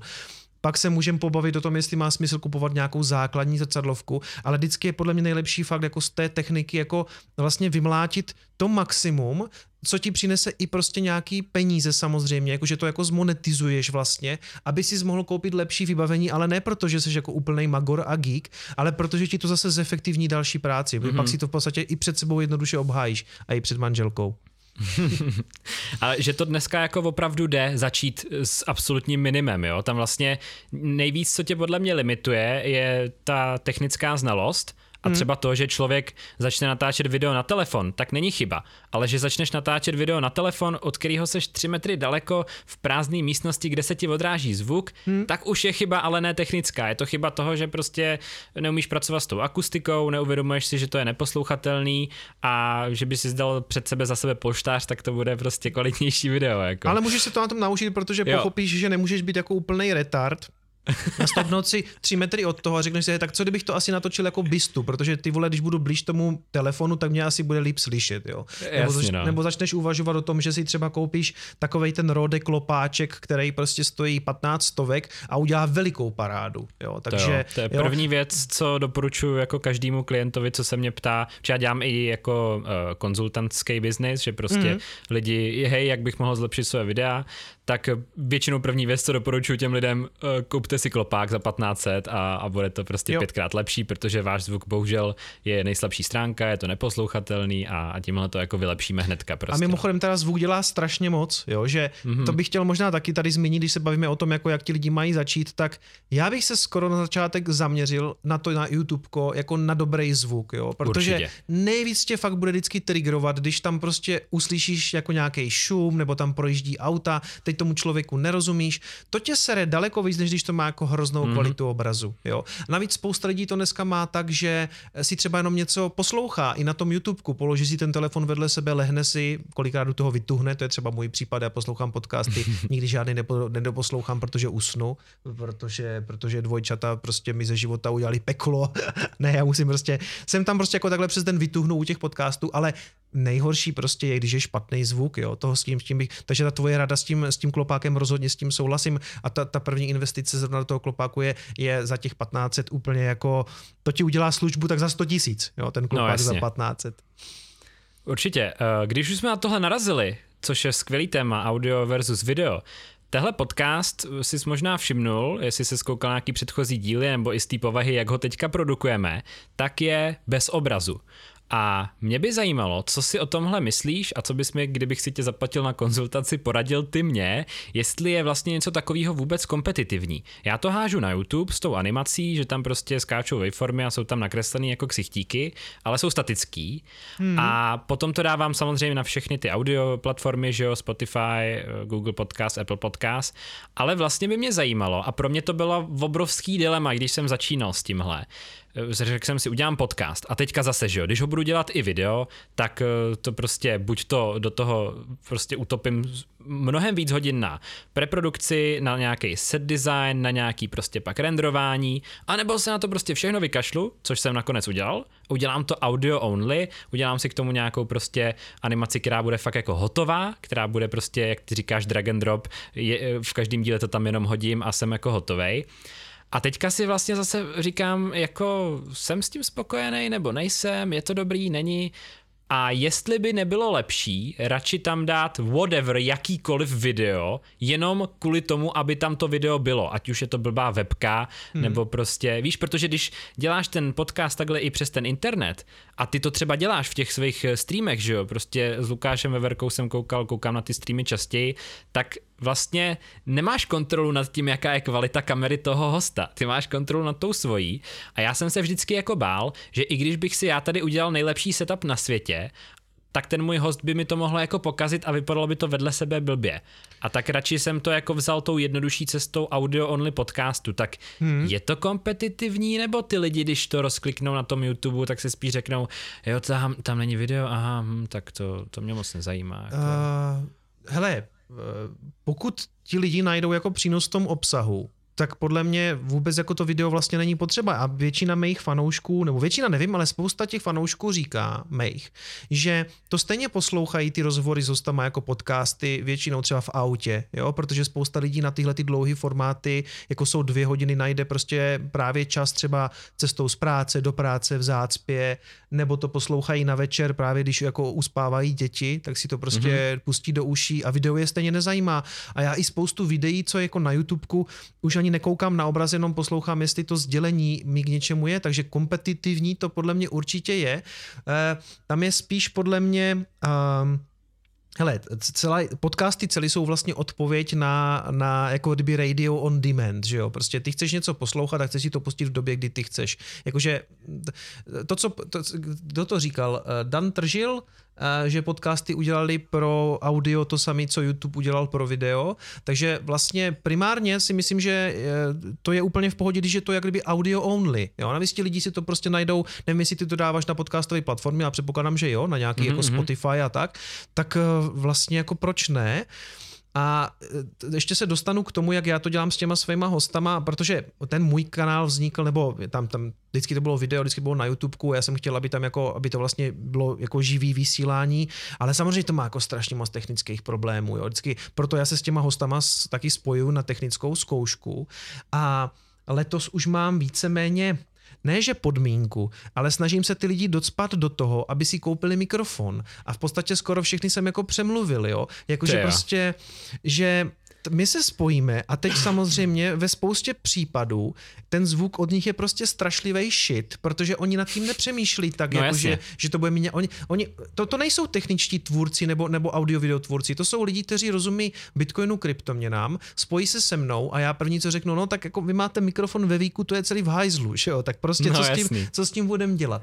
Ale hele, eh, oni často uh, chtějí, aby to bylo dobrý, chtějí jako spreadnout tu message, jako chtějí šířit to, co chtějí uh, jako v nějaké kvalitě. A já vždycky tak opatrně prostě jako, no, neuvažoval jste třeba o nějakým jako USB mikrofonu, teď se hodně dělají, že jo, ty Zoom meetingy, určitě by prostě všichni ocenili, kdyby to bylo ještě jako, no tak mi řekněte, co si mám koupit a já si to koupím, je většinou Ježiš, jako tak to je odpověď, úžasný, ale to je super. A, ale víš co, tak jako já jsem, když jsem takhle volal si třeba s Alexem Pilařem, tak on dělal několik let prostě národního manažera a e, jako tihleti lidi, nechci to, aby to vznělo jak blbě, ale obvykle nemají úplně jako hluboko do kapsy, jo, jakože, jasně, jasně. jakože prostě pro ně není problém si koupit na Alze e, za tři tisíce mikrofon, stejně tak jako s Johnem Banharou jsem teďka poslední stream před prázdninama, tak to je úspěšný podnikatel v Americe a oni sami prostě třeba stáli o to, aby to bylo jako kvalitní.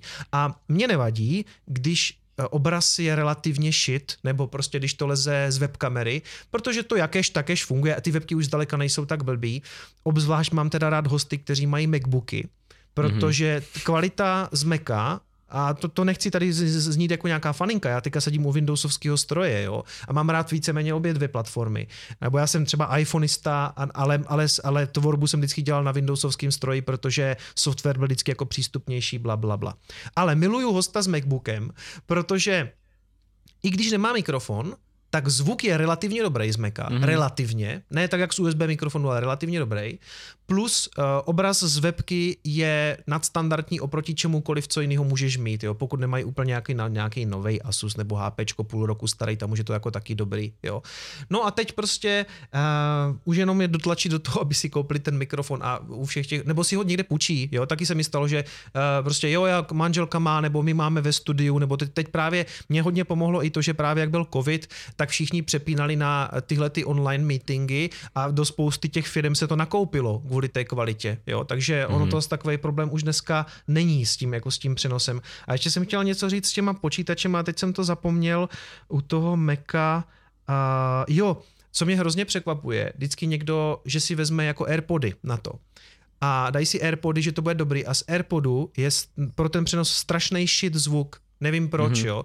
Ale to, ty Airpody, přitom jako poslech z Airpodů, a, že jo, muziky, to je všechno v pohodě, a, ale mikrofon v nich, nebo m, Apple to má nějak nastavený, takže když to prostě připojíš k, k počítači, k Macu, tak ti z toho leze telefonní zvuk, jo. Takže Ježiši. kdybys náhodou hmm. někdy chtěl, kdybys někdy s někým chtěl dělat jako podcast a on řekne, to je v pohodě, já mám Airpody, tak, tak to není si stačí Airpody někam. daleko, le, daleko lepší je, kdyby si našel takový ty starý Appleovský sluchátka, ty mhm, klasický mm-hmm. bílý, s tím mikrofonem tady, ty dávají docela dobrý zvuk. Jo. A je samozřejmě ideálně natlačit hosta do toho, aby si koupil USB mikrofon. Jo. Já vždycky buď posílám posílat, eh, nakupovat buď Rode NT Mini, anebo Blue Yeti, nebo to, co je zrovna skladem na Alze. Je to skoro jedno. Oni, pokud, pokud ten host je smířený s tím, že do toho pustí 3 litry, eh, tak úplně chybu neudělá. Jo. Mhm. To prostě, to už jsou jemné niance, které ti stejně úplně zase zničí ta komprese po internetu. Jo. Jasně, Protože když no. se potom takhle spojíme přes Zoom nebo přes eh, Meet nebo přes přes cokoliv, tak ta komprese potom jako smaže ty rozdíly mezi těma mikrofonama, Jasný. ale,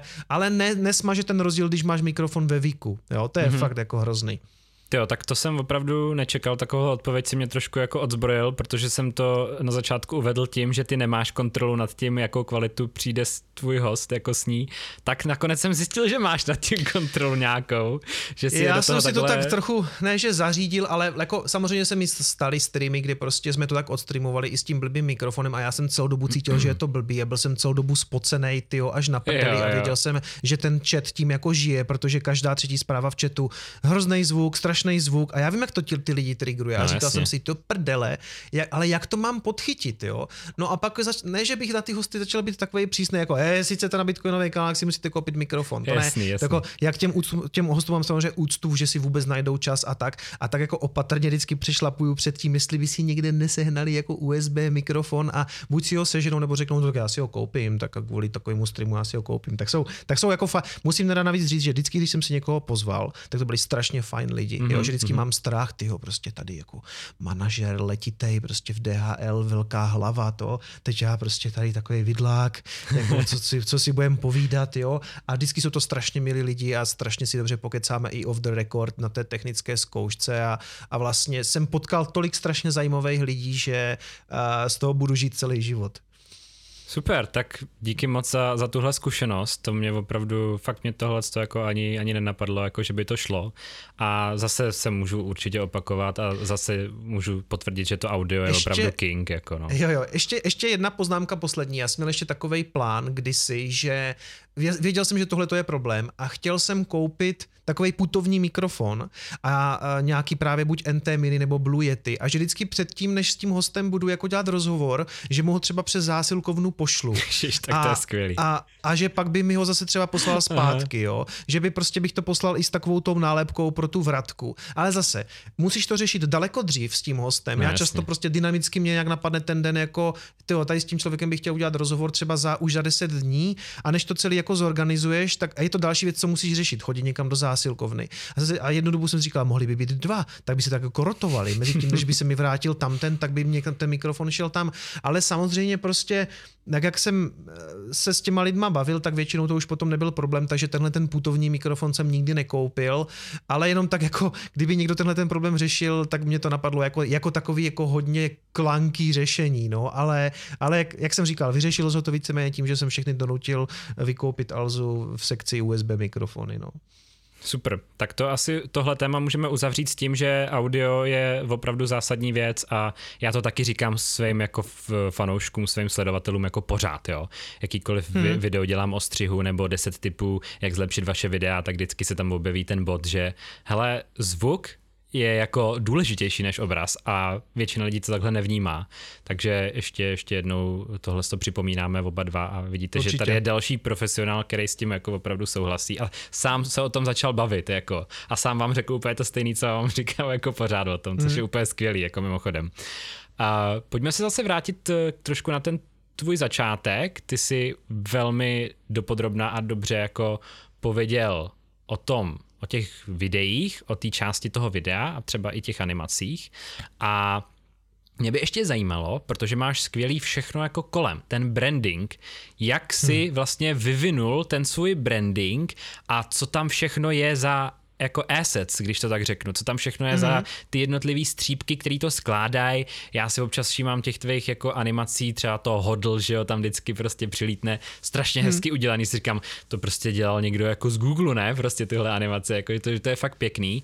A jak tyhle věci vznikají, jakože jednou máš potřebu pro toto použít, pak si to uložíš a dáváš to tam znova ve chvíli, kdy uh, máš pocit, že to má využitelnost, anebo si řekneš, tak pojďme udělat 20 důležitých assets pro bitcoinový kanál, tady je prostě logo, že jo, tak logem to všechno asi začíná, mm-hmm. Ano, ano. Teď už nechám asi to, tobě spíš, jako asi chápeš, na co se ptám. Uh, jako. Jo, jo.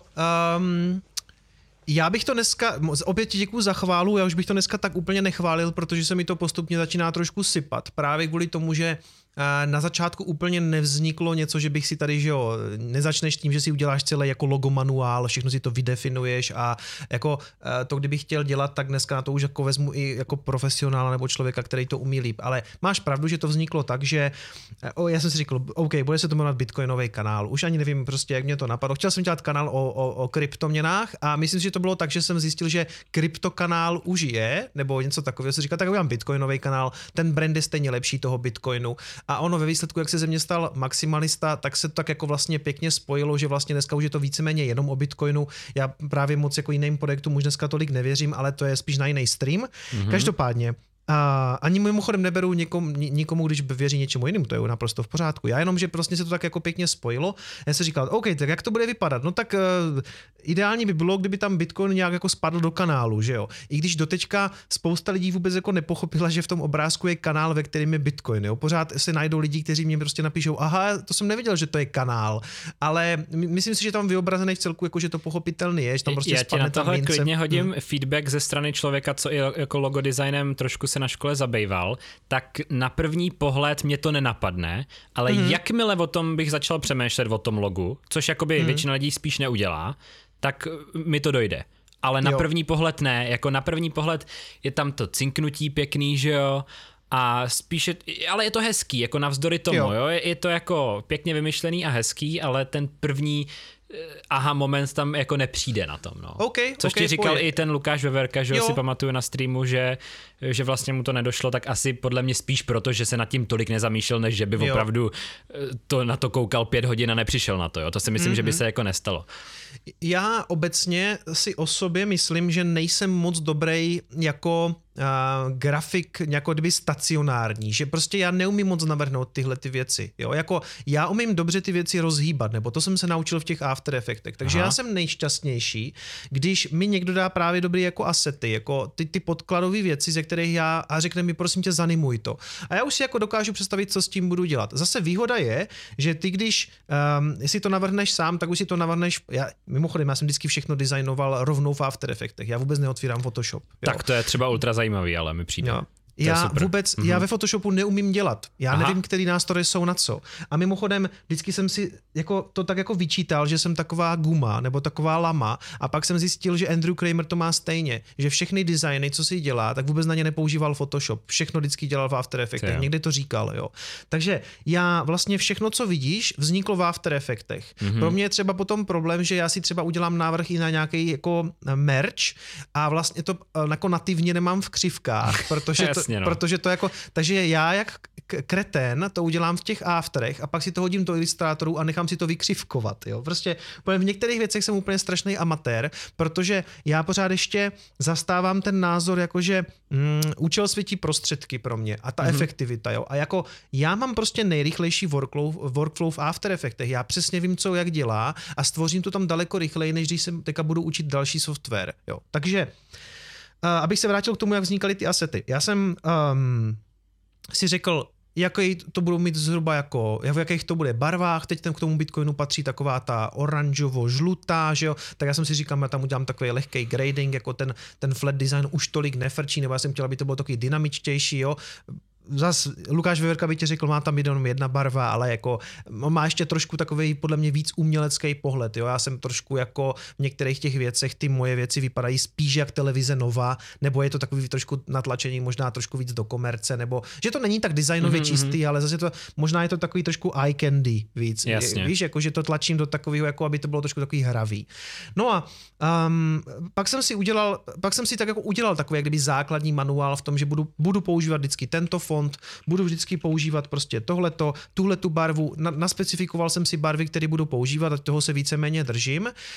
A pak uh, třeba přišla ta potřeba používat něco jako hodl, a já schválně vlastně jsem použil i ten hodl, co mám na tričkách, aby ten branding byl všude propojený, protože já to mám hrozně rád, když to jako je celý nějak zaškatulkovaný, jo? že používáš víceméně pořád uh, ty stejné barvy nebo ty nadefinované a teď se ti to projeví i na merči, projeví se ti to i v obraze, projeví se ti to, já nevím, prostě kdekoliv, kde jako já existuju nebo jak se prezentuju, tak pořád chci, aby to jako fungovalo, jako že my když jsme třeba s manželkou chystali svatbu, tak já jsem měl brandingy pro tu svatbu. Já jsem měl udělaný, já jsem měl udělaný logo a v těch barvách jsme prostě dělali i jako uh, kytičky na stůl nebo takový ty menovky a celý to drželo ten brand design. Já jsem to vždycky jako obdivoval, když máš takhle krásně tím brand designem zarámovanou firmu nebo nějaký projekt. Jo.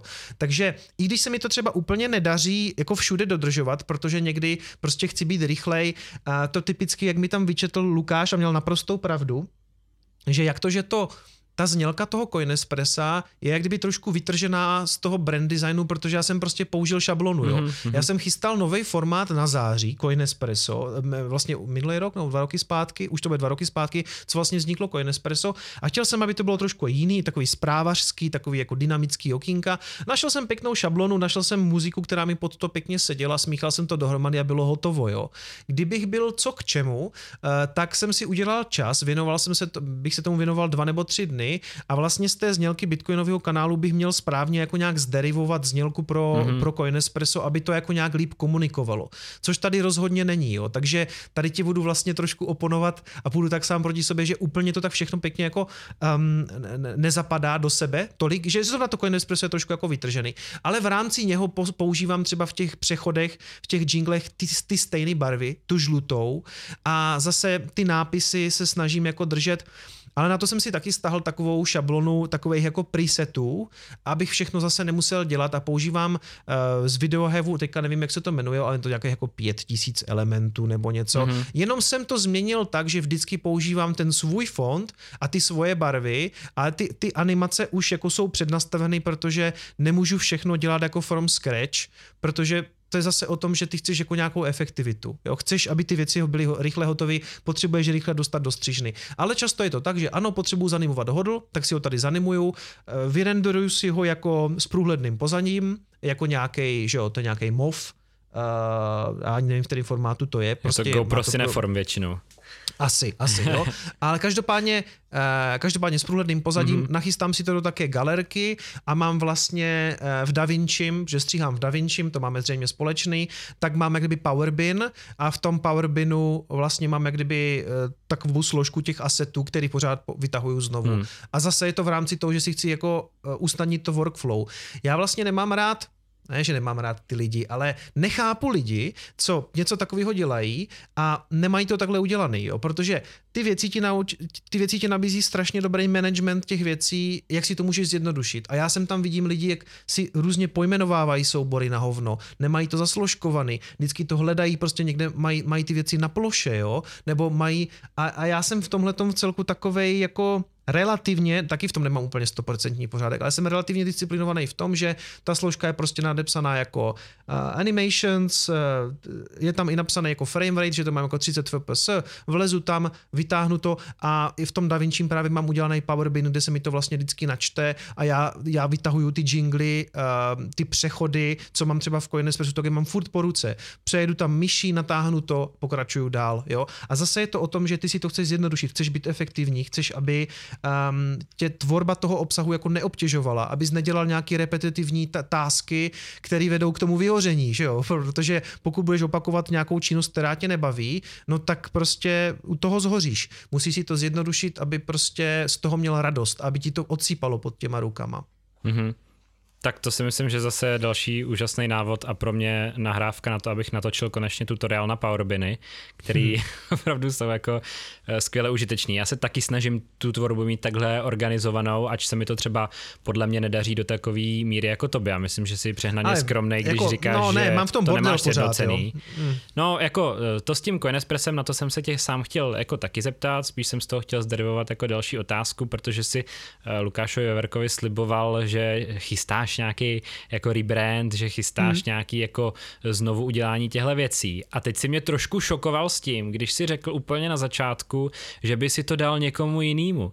Nemyslíš hmm. si, že by to trošku jako zničilo to kouzlo toho, že vlastně, jestli se teda nepletu, tak všechno doteď je taková tvoje jako autorská one-man show, všechno si to vybudoval sám, protože pro mě je třeba tohle velmi důležitý aspekt té tvorby. Mm. A je pro mě, ačkoliv sám někdy prostě dělám stříhačský soutěže, kde mi nějaký fanoušek nějaký video se stříhá, já ho pak si hodím na channel, tak bych asi nikdy nešel do toho, že bych si třeba na delší dobu sehnal střihače. Když já jsem ten, kdo říká, že umí dělat střih, jako rozumíš. Mm-hmm. Čas by mi to ušetřilo. Jak ty říkáš, eliminovalo by to repetitivnost nějaký práce mojí a mohl bych se víc věnovat něčemu, co je kreativní, ale já prostě nedokážu najít to srdce, vzdát se těchto věcí a pustit kreativní kontrolu a nemít hmm. to, to jako stoprocentně po svým, jo.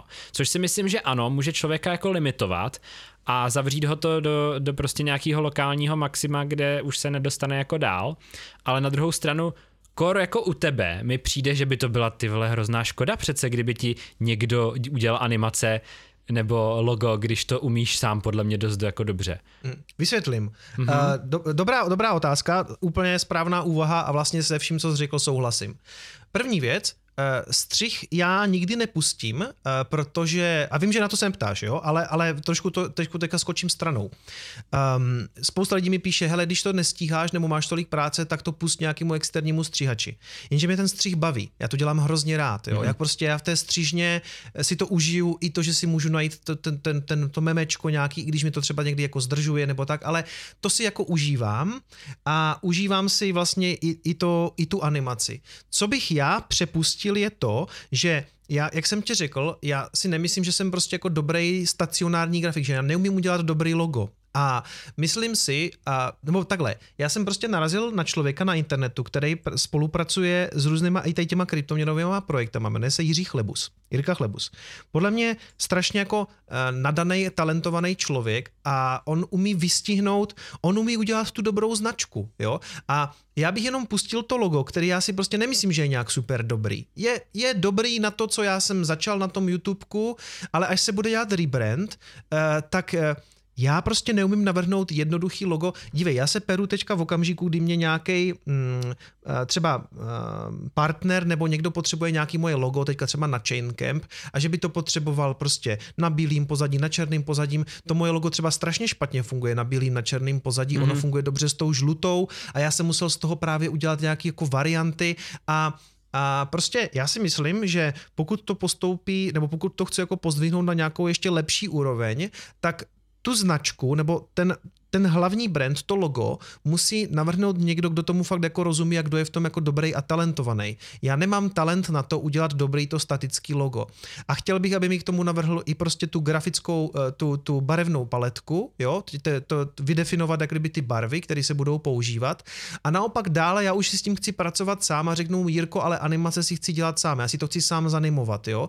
Je to tak na půl cesty. Já prostě musím pustit to, co neumím, nebo o čem si myslím, že v tom nejsem dobrý dobrý nebo dostatečně dobrý pro rozvoj toho kanálu, přepustit to jako skutečnému profesionálovi, který je fakt v tom dobrý, najděte si Jirku Chlebuse, je to fakt jako výborný grafik. On mi to nebo já doufám, že na to přistoupí, jo, protože často ti grafici jsou, ne, ne, tak my už to zpracujeme celý.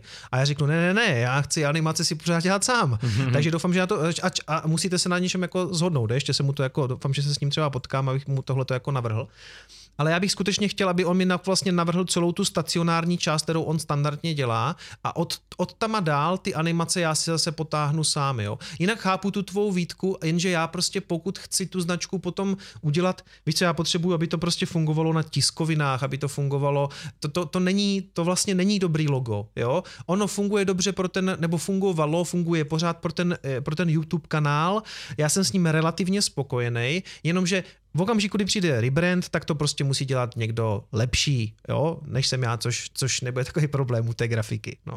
Takže tak.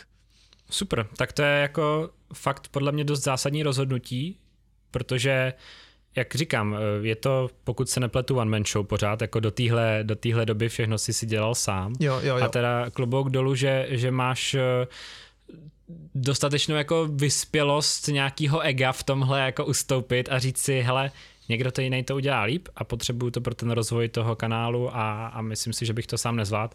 Já jsem si dělal rebrand na začátku jako letošního roku, taky jsem o tomhle přemýšlel a to logo, co jsem jako dělal, tak jsem dělal prostě fakt třeba měsíc a půl a byly jako různé varianty a tohle, ale musím říct, že každou vteřinu, co jsem do toho dal, tak, tak dneska mám strašně rád. A i to, že to mám na nějakém tričku, tak hmm. pro mě jako je takový nějaký důkaz mojí práce, toho, že to jako funguje. A já taky nejsem designer profesionální. Já jsem na to měl blbý dva semestry ve škole, jasně s Photoshopem dělám jako dlouho, ale Photoshop vlastně taky není na uh, vektorovou grafiku, že jo. Takže jo. taky jsem a já člověk, nevím, já, nevím, tomu... já nevím ani Photoshop, ani Illustrator, rozumíš? jasný, Takže jasný. mám zase pokračovat v tom, že to logo znovu zase budu dělat v After Effectech, jak prostě mm-hmm. a, a rozumíš, a to je, tam jsem si to jako, už, už dávno jsem si to jako uvědomil, že prostě jsou lepší grafici, rozhodně, že já prostě umím nějak, že umím animovat a že umím nějaký, umím tu grafiku rozhýbat, motion design, jo, ale tohle to prostě vím, že někdo udělá líp, jo, a je to, je, když v okamžiku dorosteš do nějaké, řekněme, velikosti toho kanálu, že si to prostě můžeš i dovolit a víš, že to prostě povýšíš, tu úroveň, uh, tak já, já, já rozumím i tomu tvému přístupu, jo, a možná, možná máš prostě víc talentu pro pro, pro tvorbu toho loga. A já si myslím, že já ne, a proto to zřejmě bude dělat Jirka Chlebus, ale, nebo,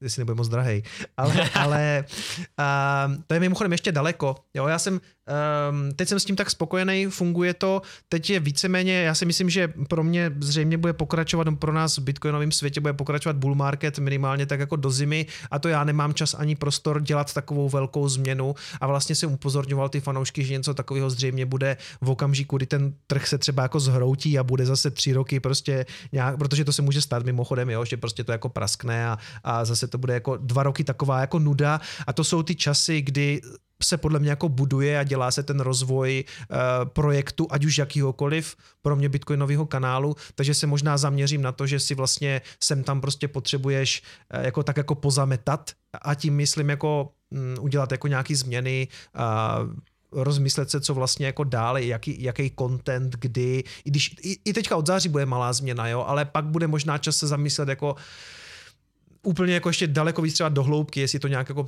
celý jako změnit a s tím souvisí prostě i ten rebrand. Mm, no. mm, jasně, takže teďka máš takový režim, že hodláš pokračovat víceméně v těch zajetých kolejích, dokud bude o čem tvořit, ano. jakože teď asi určitě bude v zimě. Jo, jo. A, to jsem a... to spíš jako sesekal mm-hmm. a trošku pospřeházel v tom týdnu, jo, a hlavně tak jako kvůli rodině, kvůli nějakému svýmu času, ale teď se jako vlastně žádný dramatický změny nebudou, jo, pokud to někdo poslouchá ještě mm-hmm. před zářím, kdy já to uh, ohlásím u sebe na kanálu, to klidně tady můžeme vyspojovat, kdybys to vydal vydával dřív, to mě jako nevadí, právě protože to není žádná velká změna, jo. Jde o to, že se trošku přehází harmonogram a ty formáty víceméně zůstávají, akorát jasně. prostě toho nevy, nevydám toho tolik. Jasně, jasně. No, tak tím se dostávám k další otázce, kdy si právě prostě tady krásně naznačil už vlastně po několikátý. Tvůj channel se zaměřuje jediným tématem a to diktuje vlastně všechno. Teďka si řekl, že ti to diktuje, kdy se můžeš zabývat nějakým hmm. designem a pozametat si a kdy naopak musíš prostě každý den jako dělat zprávy o tom, jako jestli ta cena vzrostla nebo klesla o tolik a tolik, když to zjednoduším samozřejmě. Ale já třeba dělám úplně jako opak a to je to, že ten můj channel je jako tak široce zaměřený, jak to snad jenom může být. A myslím si, stejně jako jsem eh, ti říkal u toho, že furt tahám prostě soubory z, z karty, že je to trošku neracionální. Myslím si, že trošku eh, ty čísla to prostě nepodporuje v dnešní době a myslím si, že si tím jako trošku ubližuju, co se týče performance prostě, jo? že to není tak efektivní jako hmm. třeba to, co děláš ty. A zajímalo by mě, co by si mě nebo tvůrcům, co chtějí si dělat víc jako osobní channel, víc jako vo všem, co je zajímá víceméně, protože já dělám, eh, dělám trošku toho, co děláš ty, dělám trošku jako finance, dělám ty tutoriály, do toho si točím občas nějaký recenze na filmy, do toho nějaký své autorské projekty, jo, prostě všechno, co, co jako dělám, tak, tak na ten channel nějakým způsobem dám. Snažím se do toho nějaký řád jako taky vnášet, ale ultimátně se mi tady setkávají různý druhy jako publika a každý chce trochu něco jiného. A ten, kdo sem přijde se podívat na tutoriál, tak ho úplně jako nevzruší, když udělám prostě recenzi na film, jo? A je to takový, že hodně málo lidí přijde koukat na úplně všechno. Tak by mě zajímalo, co by si ty někomu takovýmu jako poradil, jak se to dá třeba sjednotit i v rámci jako různých témat, nebo jak bys si něco takového pojmul ty, případně jestli máš jako do budoucna plány se zabývat i něčím jiným než eh, těma kryptoměnama. Ty jo, to je zase taková... Je to těžký, je to jako určitě... To je zase taková otázka, kde já se klidně jako rozkecám, ale vlastně ti odpověď nedám, jo. Takže, um, hm, já jsem jednu dobu dělal i nějaký zprávy o Tesle, protože Tesla je něco, co mě jako bavilo, teď už mě to tolik nebaví, a hlavně taky díky tomu, že jsem prodal všechny akcie, tak když už nemáš skin in the game, tak prostě pro mě už to jako není tak zábavný. Ale pro část té komunity to bylo vyloženě jako otravný. Jakože prostě říkali, hej, jako děláš bitcoin, děláš kryptoměny, prostě proč sem taháš elektromobilitu. A mě ty témata tak trošku jako vždycky pro mě byly takový jako zajímavý, že jsou vlastně takový futuristický, bavilo mě mluvit o obojím a vždycky jsem schválně tu Teslu dával až nakonec, aby ti lidi, kteří to nechtějí sledovat, aby to mohli už vypnout, jo. A, Jakože i v rámci a... jednoho videa jsi to spojoval. Jo, jo, já jo, jsem jo. normálně na konci Coinespressa vždycky bylo jako Tesla část, mm-hmm. kde já jsem mhm. mluvil o Tesla, aby ti lidi už to tam mohli killnout a jít na něco jiného. Jasný. A, a spíš vlastně to budilo nějaký kontroverzní reakce, že vlastně tohle je kanál o něčem a o tom by měl být, ale zase spousta lidí bylo rádo, že jsem o tom třeba mluvil, protože už je to taky hodně o tom, že někteří lidi přijdou, eh, protože je zajímáš ty jako člověk a zajímají, zajímají se o to, co si o tom myslí Ondra, jo? A co dělá Ondra? A, a teď je otázka podle mě, jestli chceš budovat že jo, takový ti klasičtí eh, youtubeři, influenceri, který já právě úplně tolikrát nemám, a nebo ti vytváří takový ten content kolem sebe, jako já jsem ten a jdu si koupit tady ty bodky a tady jsem jasný, udělal jasný. tohle, jo, a vlastně, ten, vlastně to víceméně o ničem není. A myslím si, že tyhle ty věci, jako, mm, nevím, jestli mají nějaký trvalejší charakter, když ti lidi vždycky budou mít nějakého jako asi fanouška, ale podle mě trvalejší charakter je právě něco, co se věnuje nějakému tématu, jo, protože když si to představíš z, toho, z, z pozice toho diváka a já jsem pořád se považuji za velkýho jako nováčka na té, na té YouTubeové scéně, jo? jako já nevím, jo? ale vždycky mě to téma jako fascinovalo, takže já se o tom bavím rád, ale myslím si, že z pohledu toho konzumenta, toho sledovatele, ty si vlastně dneska skládáš, co chceš sledovat. Jo? Ty dneska už to není tak, že si sedneš k bedně, nezapneš si tu televizi a víš, já jsem věděl, když jsem přišel ze, ze školy, že pojede hvězdná brána a po ní pojede na primě odpadlík. Jako jo? A takhle jsem si to jako sjel. A pak už tam celý den nic nebylo v podstatě, co by mě mhm. zajímalo. Mm. A teď je to hodně o tom, že ty si vlastně skládáš ten harmonogram z toho, co jako ty si zalajkuješ nějaký ty kanály, že nebo máš na ně nějaký jako odběr a teď si teď jako se sleduješ. A myslím si, že ti lidi fakt jako očekávají od tebe nějaký jako vlastně konkrétní témata, jakože třeba prostě, když přijdu na Petra Máru, tak budu asi vědět, že to bude technologie, nějaká, uh, nějaký, když on už teďka má taky poměrně jako široký, že jo, teďka řeší jako taky krypto, nějaký NFTčka a tak a, a všechno možný, ale zhruba tak víš, že to bude v tom technologickém sektoru, nebo, nebo Marques Brownlee, že jo, MA, mm-hmm. MKBHD. Jo, jo, tak asi to někdy můžu zapamatovat, jo. tak taky víš, že to je jako tech creator a zřejmě nebude úplně jako se bavit o tom, že si teďka šel tady pinkat stolní tenis, jo, nebo že prostě se někde jako vykropil někde na jachtě. Ale mm, jako ultima, ultimátní návod podle mě úplně není, protože, jak říkám, spousta lidí potom, uh, myslím si, že kdyby mě někdy přestalo bavit téma těch kryptoměn, nebo bych chtěl jako přepnout a, a řekl bych, tak já dneska končím, už nedělám Bitcoin a budeme se teďka věnovat třeba, já nevím, Tesle, nebo se budeme věnovat, já nevím čemu, umělé inteligenci, to jsou věci, které by mě teďka úplně super z, z, jako bavily, nebo bych tím jako teďka úplně žil, ale prostě bych přepnul to téma, tak spousta lidí by podle mě se mnou zůstala protože prostě by zajímalo, co si o tom myslí tady kicom. Ale většina si myslím, že ne. Že většina prostě tam chodí kvůli těm informacím okolo Bitcoinu, kryptoměnám a v tom si myslím, jako, že mm, jsem jako relativně asi jako dobrý, že je to právě jako zajímá ode mě a že kdybych úplně změnil ten content, že bych vlastně jako dvě třetiny těch lidí určitě ztratil. Jo? Ale myslím si, že je prostor pořád na českém internetu dělat nějako, nějaký to niž téma, něco, něco jako relativně malýho, něco, já nevím, já jsem začal dělat o Bitcoinu a myslel jsem si, že takový číslo, jaký to má dneska, to bude mít třeba za pět let. Jako já jsem vždycky chtěl, aby, vždycky jsem si tak myslel na tu míli těch 100 tisíc odběratelů. A říkal jsem si, že když do toho prostě budu bušit, že se mi to povede. Ale nemyslel jsem si, že to bude tak brzo. Jo. Taky jsem věděl, že se svezu Bitcoinu na zádech. Jo. Že pokud bude, prostě pokud Bitcoinu poroste cena, cena nejlepší marketing, tak jako ten můj úspěch si vlastně poveze na tom Bitcoinu. Ale uh, zajímavý, nebo co mi na tom přijde vlastně uh, úplně extrémní je, že já jsem dneska snad největší jako vlastně finanční kanál na českém YouTubeku. Nevím, jestli tady existuje něco, co by se věnovalo, a teď já se nevěnuju financím obecně, já se věnuju hlavně tomu Bitcoinu, i když tam samozřejmě přirozeně zabrousíš do, nějaký, do nějakého makra, i do nějakých jiných asetů typu jako zlato, akcie, samozřejmě se o tom tam bavím, jo, ale já si pořád myslím, že je strašně moc prostoru v těch niž tématech, jako je tady dobrý kanál o, o rybářství třeba, nebo o kulečníku, nebo já nevím o čem, jo. Ale ti lidi, jak mají různý témata, o který se zajímají a chtějí si skládat to, na co se budou dívat, tak by si určitě jako vytipovali dobrý pořad o o kulečníku. A dobrý pořad o kulečníku nikdy pořádně nebude na české televizi, protože česká televize ví, že se na to nikdo nebude dívat, nebo z toho jejich pohledu, protože je zajímají nějaký makročísla, že jo. Oni potřebují sledovanost, aby si to obhájili před tím místním dramaturgem nebo šéf, šéf dramaturgem, jestli to vůbec má místo na té české televizi, i když má čtyři kanály. Ale na YouTube ti nikdo neřekne, že to tam nesmí být. Ty si můžeš dělat prostě o čemkoliv. A uh, prostě já bych se nesnažil být další vše influencer, teď, teď, teď nemyslím, eh, nemluvím k tobě, mluvím spíš jako třeba k našim posluchačům. Prostě ten internet nepotřebuje nějakého dalšího datla, nebo dalšího, já nevím, nevím koho, jo, kteří Rozumím. vlastně vybudovali ten content kolem sebe a to téma není známé, jo. Ten internet nebo, nebo to YouTube podle mě potřebuje jako dobře zpracovaný témata konkrétní.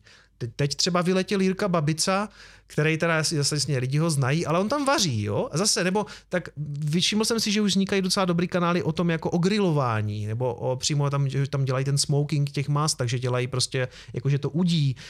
Um, já vím, že to zní teďka možná bizarně, že jsme skočili tady z nějakého stříhání a tak, ale prostě já si pořád myslím, že aby se lidi nebáli dělat něco o jejich vášni, protože najdou jiný blázny a to je další skvělá věc. Ty najdeš k tomu, co děláš, najednou zjistíš, že to dělá strašně moc lidí v republice, o kterých jsi vůbec nevěděl, jo, protože oni za tebou přirozeně přijdou.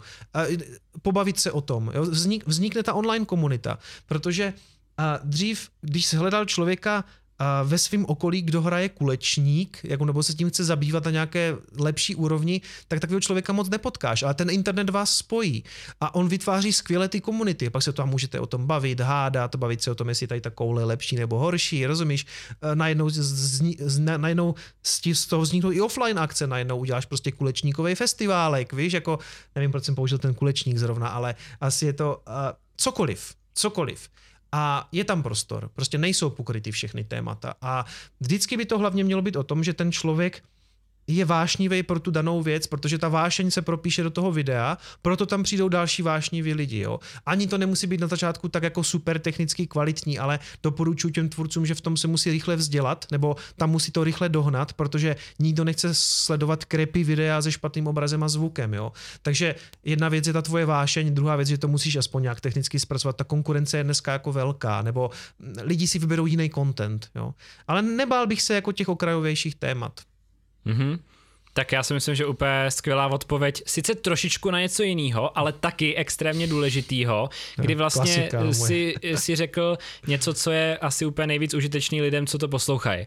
Hmm. Jo, já jsem chtěl trošku sobecky, abys poradil mě a ty si poradil spíš člověku, který jakoby začíná. Jo, Ondro, ale já to vlastně nevím, jo. Já jo, to, jo, v pohodě. Já, já, já, jsem odpověděl něco trošku jiného, protože vlastně tobě nevím, co mám poradit, jo. Mhm, jestli, mhm. jestli dál jako nevím, jestli podle mě může kanál existovat i třeba na dvou, na třech tématech, jo, ale možná i sám sobě děláš trošku jako zmatek v hlavě, mm-hmm. jakože vlastně nevíš, čemu si chceš věnovat víc a pak máš i pocit prostě, že ten, že ten kanál je vlastně takovej trochu jako mm, nezorganizovaný, že vlastně se věnuje všemu, jo.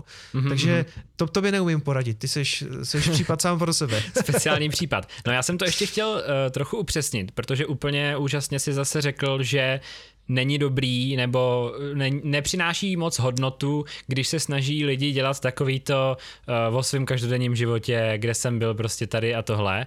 A to pokud nejseš Casey Neistat, tak to nikoho nezajímá. Přesně, přesně Casey Neistat je jako suprová uh, věc, co tady zmínit, protože já vlastně nejvíc inspirace beru od takovejhle lidí, který umějí vzít tuhle věc, která se zdá být na první pohled šíleně nudná a pro člověka, který ne, nezná YouTubeovou kulturu, absolutně nekonzumovatelná, protože proč bych se pro boha koukal na něčí každodenní život, tak mě jako zajímalo, ne přesně tohle, ale jestli dokážu opravdu udělat takový channel, který bude kolem té mojí osoby, ale bude to zajímavý a bude to přinášet hodnotu těm lidem, jo? Mm-hmm. Protože moje základní, jako můj ten key selling point je to, že já se zajímám o věci, které mě samotnému jsou jako užitečný a chci předávat svoji jako důležitou životní zkušenost dál.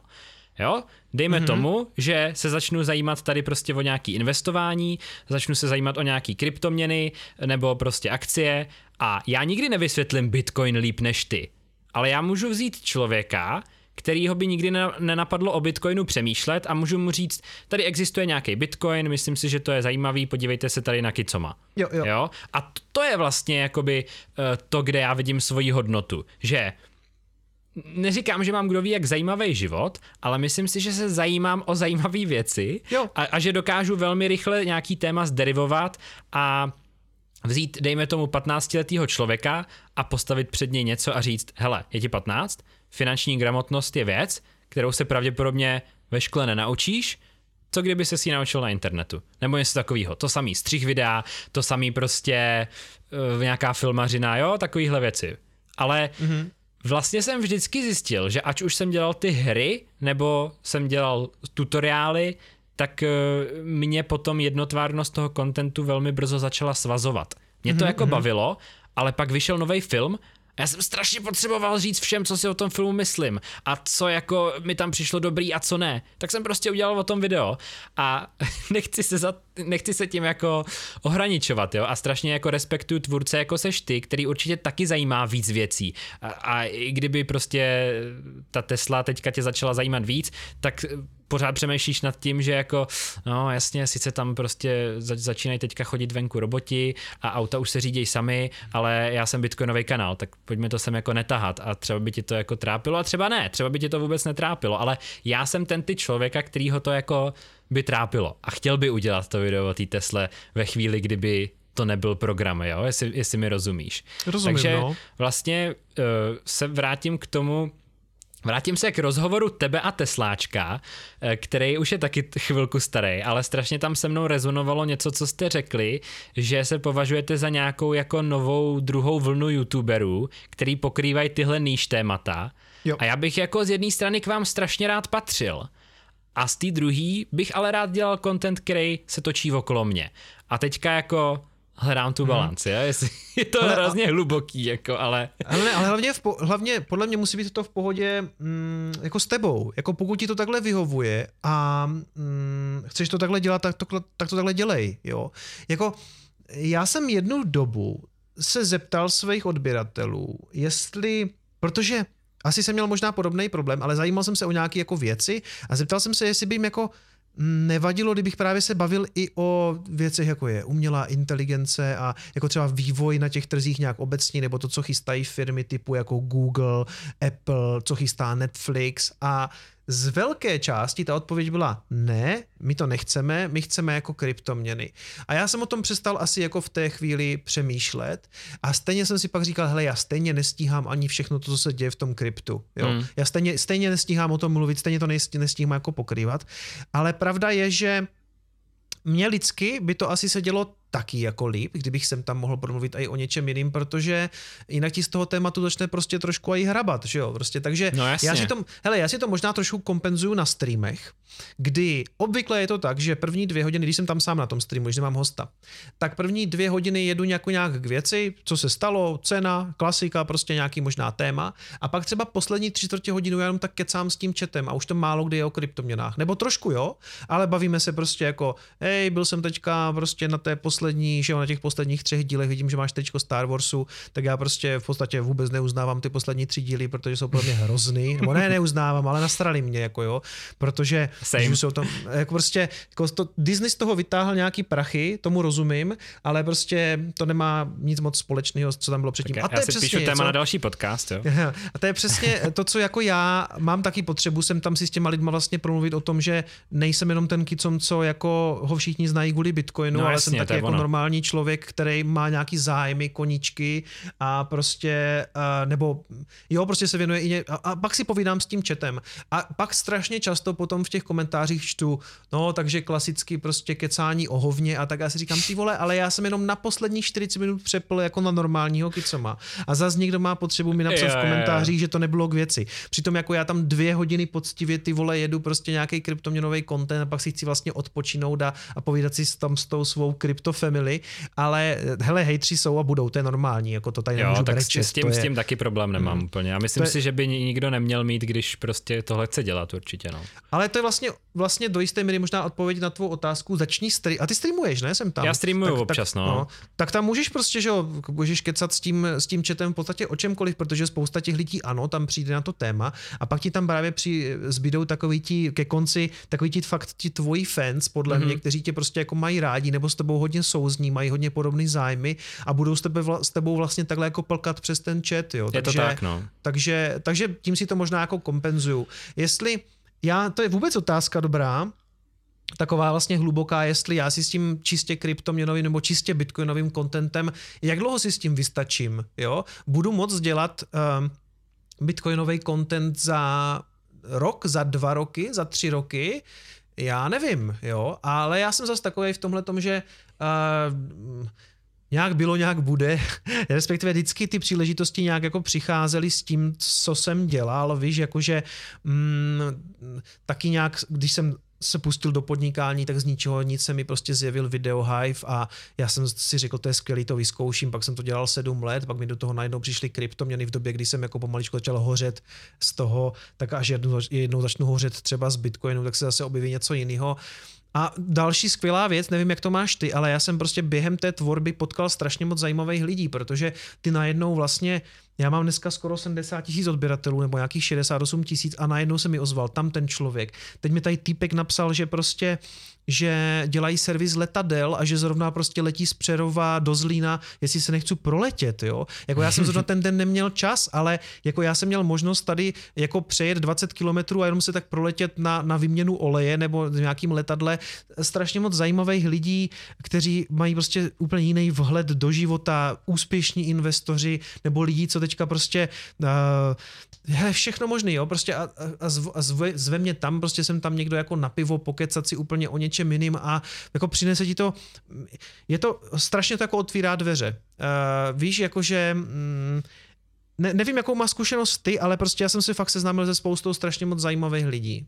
Mm-hmm. A, do, já teda, a dobrý, dobrých lidí. Jako. Já teda určitě taky. Musím, musím tohle jako přikejvat, protože ta komunitní stránka tohle celého je skvělá. A máš teda pravdu, že v době, kdy ten kanál byl víc eh, jednotně zaměřený na nějakou třeba hru, tak ta komunita tam byla vlastně ještě silnější, že jo? protože mm-hmm. mnohem častěji se ti na ten stream dostavili opravdu všichni ty lidi, který ta věc, kterou děláš, zajímala a i ty čísla byly jako v tom streamování potom lepší, protože teď, když udělám stream, tak to, co ty říkáš, že ti tam na konci zůstanou lidi, který zajímáš ty, tak to je moje jako celý publikum na tom streamu většinou, jo? že mě tam, mm-hmm. že ano, kdybych udělal nějaký stream, kde bych třeba živě stříhal, nebo že bych živě dával tipy prostě, jak dělat nějaký animace, tak by tam těch lidí přišlo třeba víc a třeba by to byli lidi, kteří by zajímali jenom uh, ty užitečné informace. Ale když já teďka streamuju, tak většinou dělám spíš takový ty updaty, jako co bude s kanálem, já dělám, jsem se inspiroval jako velkýma korporátama, dělám jako čtvrtletní takový shareholder calls prostě, kdy... Jo, já to mám taky se svýma patronama. Jo, jo. Mm. Tak a to, tak, to dělám prostě takhle čtvrtletně a vždycky si pokecám s těma lidma pár hodin, řeknu, co bylo, co bude. A jako hmm. moc, moc mě to baví. Minulý rok jsem to dělal dokonce měsíčně a tam jsem jako zjistil, že ani když streamuju jednou za měsíc, tak vlastně už potom nemám moc jako o čem jako mluvit tolik. Hmm. Takže ta moje potřeba streamovat tady je a uspokojuju si, když to tak řeknu, ale jakoby jenom jednou za čas a takhle mi to jako vyhovuje. A jinak eh, jinak máš pravdu, no, jinak opravdu super jako typy a je, je pravda, že sjednotit těch témat tolik je jako hodně těžký a, a taky máš pravdu v tom, že mě to vlastně vyhovuje tak, jak to je teďka. Hmm. Jo, a jak říkám, jako tím, že, tak jak dlouho máš ten kanál? Hele, tohle funguje normálně, budeme teďka mít asi 10 let, si myslím. No, právě, že ty k tomu jako nějak došel, jako já, hmm. takhle, já mám kanál dva a půl roku a zatím si s tím vystačím, jo. A teď, bude to tak po deseti letech? Jako budu, nejsem si úplně jistý, jo. Jakože, Jasný. A to je to jeden z těch důvodů, proč taky vznikl třeba ten úvod do Bitcoinu jako takový evergreen videa, aby na tom internetu zůstali a aby tady možná navždycky nemusel zůstat Kicom, který bude dělat osvětu o, o Bitcoinu pořád, protože některé ty videa, zvlášť ten začátek, má, má ten trvalý charakter a do, do té problematiky tě to dostane, takže nechci tady teďka říkat, že vlastně připravuju se na nějaký exit, to vůbec ne, to vůbec ne, jo, ale jako můžu být kryptoměnový youtuber dalších 20 let nebo dalších 10 let? Asi spíš ne, jo. Takže uvidíme, jak dlouho eh, uvidíme, jak dlouho, jako, než, než mě všichni vyhejtí a skončím někde prostě s rozmlácenou hubou, protože někdo prodělal na Bitcoinu, jo, ale, ale zatím so far so good. Já si myslím, že u tebe bude stoprocentně a i bych si na to vsadil limitující faktor to, jak tě to bude bavit a naplňovat víc, než že by to téma už nebylo jako kož, ze kterého jde brát. To si myslím, že přijde mnohem dřív. Hmm. Jo, je, jako nepřál bych ti, aby si to musel řešit nějak brzo, přál bych ti, aby tě to strašně bavilo jako furt, ale rozhodně se nebojím, že by si neměl co říkat za pět let o Bitcoinu. Jako Já, myslím si, že naopak hmm, to bude to je pravda, ještě, no. že ty, ty prostě potom, nebo pokud teda eh, my máme na, na ty kryptoměny pohled jako podobný a pokud se nám jako vyplní naše vize, tak si myslím, že naopak přijde doba, kdy ty budeš moct uh, strašnou páku využít za těch pár let, toho, já jsem vám to říkal. Hmm. Jo, že, bude, že to bude takový to, podívejte se na moje první video z roku 2018 nebo kolik, co jsem tam říkal mm. a jaká ta cena třeba byla tenkrát a ty budeš moc strašně jako, zvýší se ti kredibilita, víš, jo, že jo. budeš, eh, pokud to samozřejmě nastane, jako je to jeden ze scénářů pořád, ale myslím si, že to bude hodně zajímavý ohledně té tvorby. Jo, mm, tohle to je vždycky super. A kouka, když se koukám na nějaký finanční youtubery ze zahraničí, kteří jsou i trochu třeba víc jako, že to ego do toho svého projektujou, tak strašně rádi říkají, tohle to se stane, napište si to do kalendáře a uvi- napište mi komentář za pět let, protože tohle se stane a já, jako já, jsem, já tady nemám křišťálovou kouli, ale je to naprosto jasný z důvodu jo. XYZ, jo, a že tohle to ti jako spíš pomůže, takže jak jsem mm. říkal, myslím si, že limitující faktor bude, jestli tě to bude bavit nebo ne. No, s tím souhlasím a já pořád uh, se ještě vracím k nebo když o tom takhle přemýšlím, tak vím, že ty šablony, ten videohive, že jsem jako dělal těch sedm let a pak už prostě jsem tu sílu neměl, protože jsem potřeboval změnu, jo.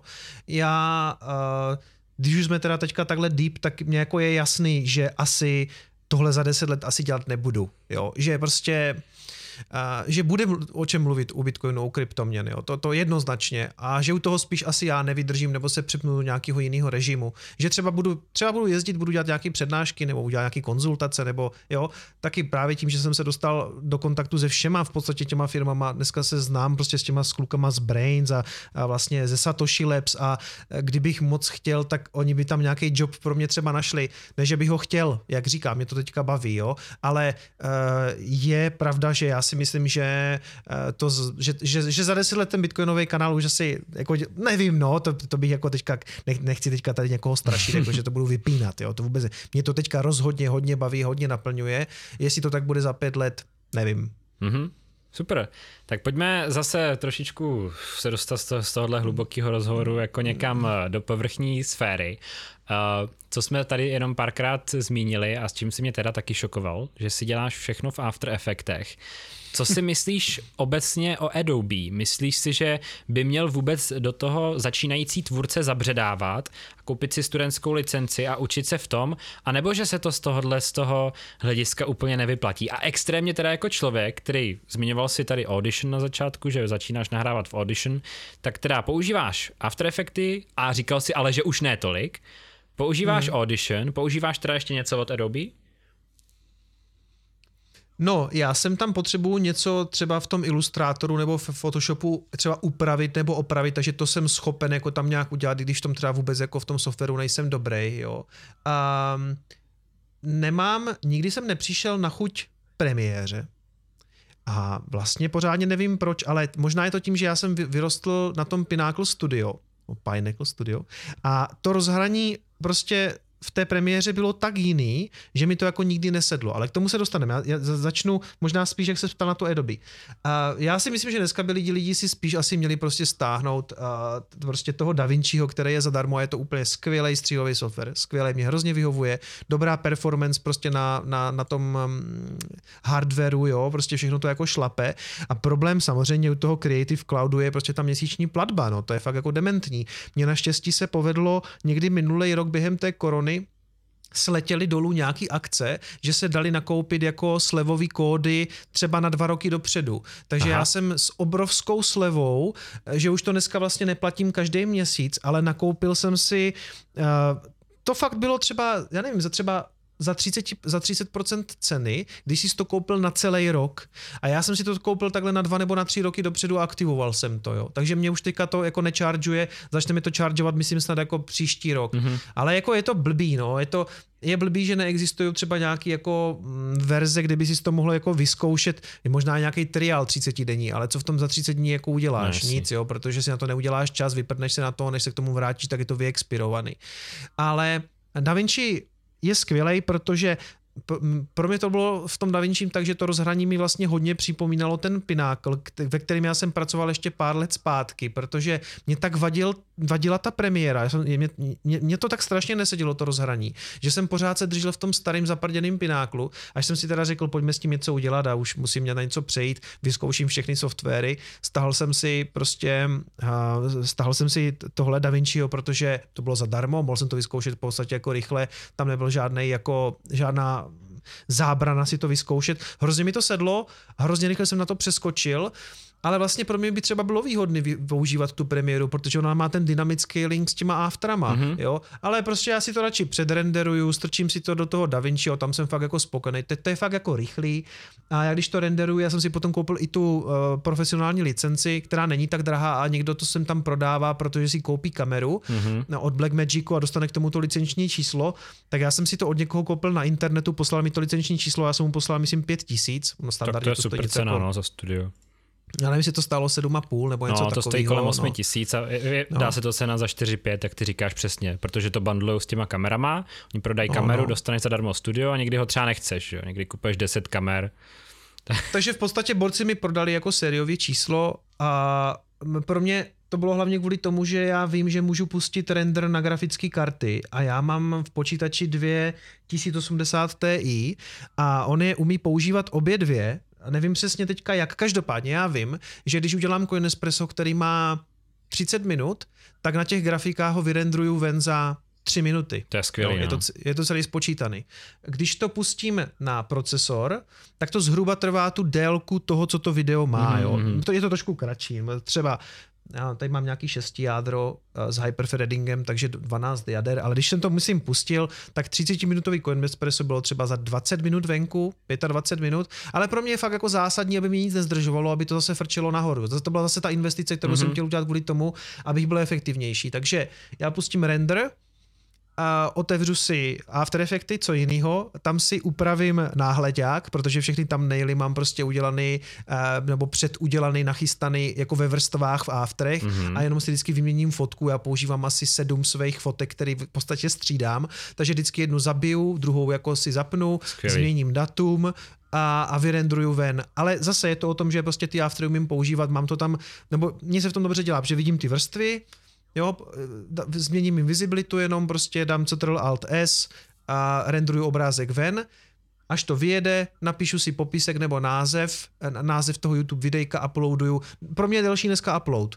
Upload je delší než, než ty věci mm-hmm. okolo, ten mě mhm. nejvíc zdržuje. Ale zase, než se to uploaduje, během toho, co se uploaduje, tak já vymýšlím, jak se to bude jmenovat. Jo? Mm-hmm. Takže mhm. nějaký lehký clickbaitíček, Bitcoin přiletěl přes 50 tisíc nebo něco takového. Obvykle začínám cenou, protože to všichni samozřejmě řeší pak nějaký další dvě témata a už ty videa vlastně teďka nečasuju, protože na to mám editorku, nebo mám prostě holku, která pro mě jako pracuje, jako má takovou brigošku, že já vydám video, jí to pingne v telefonu jako všem ostatním, ona jde, má ten editorský přístup do YouTube Studio, tam vlastně ona vidí jenom nějakou omezenou sadu nástrojů a může vlastně upravit ten popisek, kde to vyčasuje, kde která zpráva začíná. To jako já kdyby už...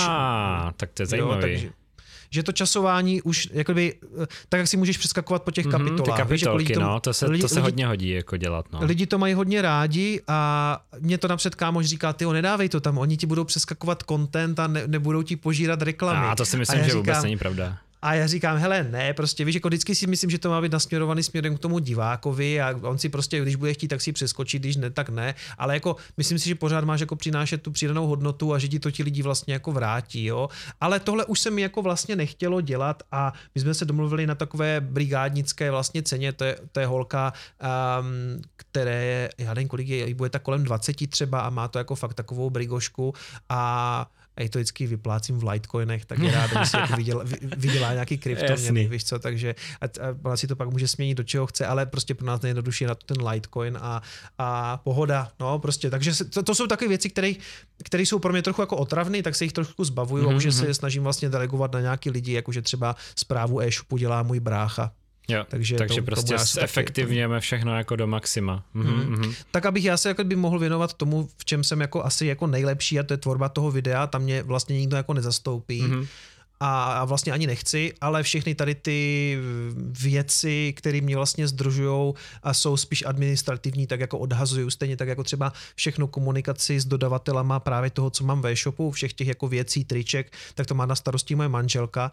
která to vlastně jako objednává a můj brácha to potom jako naskladňuje a, ře, a řeší objednávky, nosí to do zásilkovny a tak. Já už vlastně dneska e-shop jako funguje víceméně úplně jako bez země. Ale to je mimochodem taky taková strašně zajímavá věc, že pokud někdo rozjíždí merch, tak bych doporučoval všem se zamyslet nad tím, jestli to fakt nechce, nechcete manažovat si všechno sami, protože pak nad tím máte jako totální kontrolu, což je skvělý, jo, protože prostě Nejedno, nejjednodušší je to dělat s nějakým real geekem a tady s těma firmama, oni si vezmou nějaký kat a všechno to za vás zařídí, ale takhle prostě já mám e-shop, ve kterým uh, se dá platit prostě jako k kryptem, víš, a všechno si to jako mm-hmm. manažuju, můžu si udělat, a když si vymyslím nějakou akci, tak ji prostě udělám, nemusím to s nikým domlouvat. To je spíš tak jenom na okraj mě napadlo, že to jako, je to dobrá zase zkušenost, že jsem si vlastně jako rozjel e-shop, víš, já jsem, taky jsem našel týpka, zeptal jsem se na nějakým streamu, jestli to někdo nedělá a on mě ten e-shop poskládal za jako relativně dobrý peníze. Já myslím si, že u firmy bych za to dal tak pětkrát až desetkrát víc, než za to, za, za kolik to udělal pro mě týpek, který mu bylo taky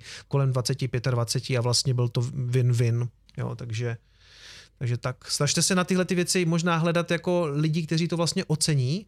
Jsou to třeba, nejsou třeba to takový profesionálové, ale prostě taky to udělají za daleko rozumnější cenu a hodně si tím jako, že jo, každý pomůže. A to už asi v době, kdy, kdy, kdy už jako vyrosteš do trošku jako většího tvůrce a snaží se některé věci jako od sebe spíš jako od, oddelegovat, jo, že, že už se tím nechceš zabývat. Mm-hmm, že už nechceš dělat všechno sám, no.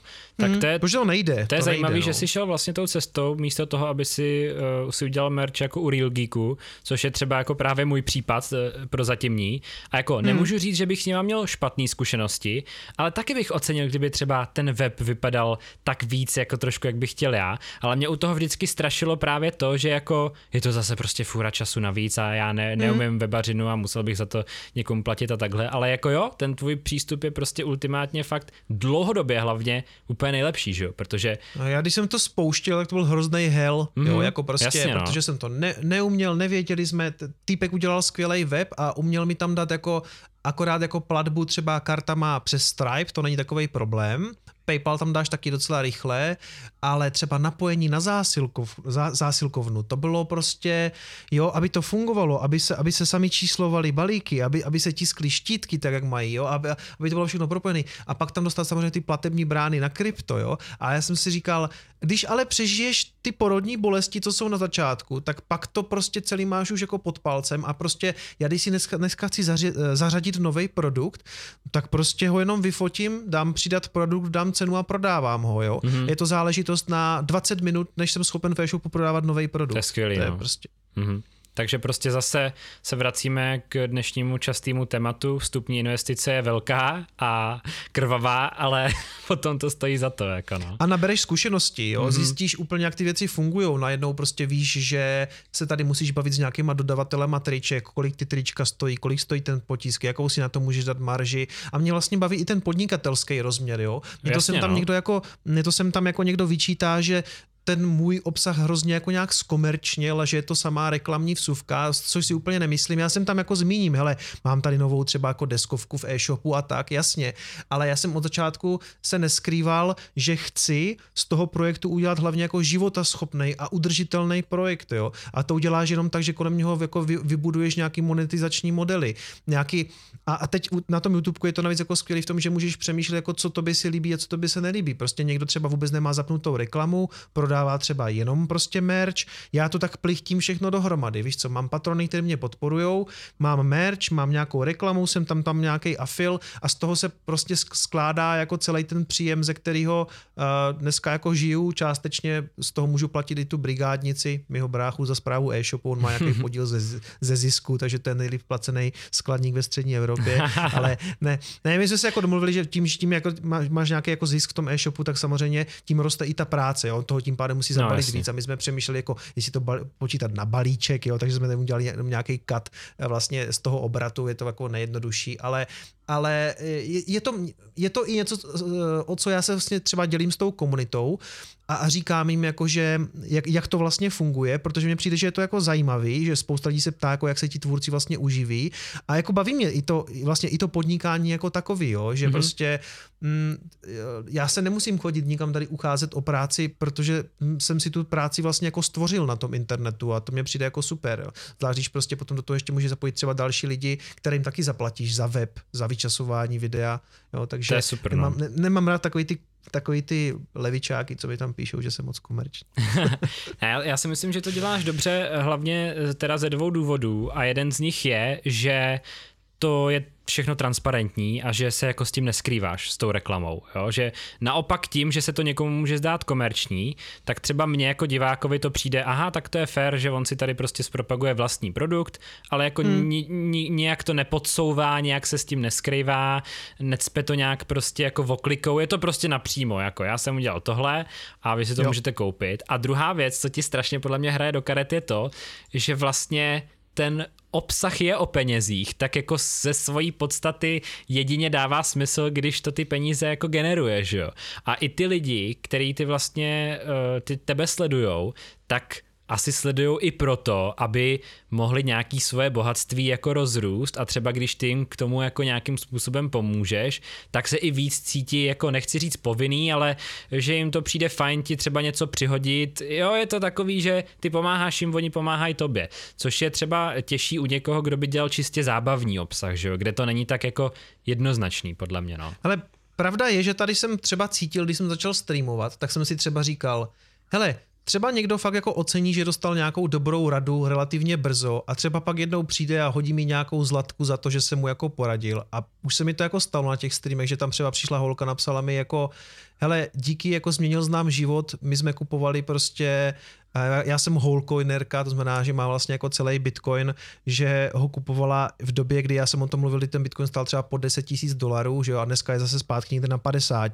Což prostě málo kdy potkáš jako seriózního finančního poradce, který ti jako zpětinásobí ten vklad, jo. Takže samozřejmě je to jako velká v celku jako halus, ale v tomhle tom musím říct, že jsem byl trošku, ne, že bych to tak kalkuloval, ale tak jsem si trošku jako přál, hele, třeba budou ti lidi, jako třeba to bude žít částečně i z toho, že prostě řeknou, hele dík, pomohl jsi mi, tady prostě máš liter, nebo a, a bylo to tak a na jednom streamu to bylo minulý rok jako v létě úplně šílený, kde se jako borci vlastně předhazovali v tom, kolik tam mm-hmm. nahodí jako peněz a to bylo jako brutální a to jsem potom skoro všechno vzal a vlastně se z toho nakupovali věci do studia, že jo, tady jsem si koupil neon, tady mám jako velký světlo a jako já to vlastně i rád jako vracím do toho obsahu zase, protože uh, jako ti lidi si to myslím si, že si jako zaslouží vlastně, aby, aby to za ty peníze i nějak jako vypadalo, jo, ten, mm, ten obsah. Určitě, no. jako ta, jak jsme už říkali na začátku, že jo, ta investice se jako stoprocentně v tuhle chvíli ti vrátí, uděláš radost jak sobě, tak těm lidem.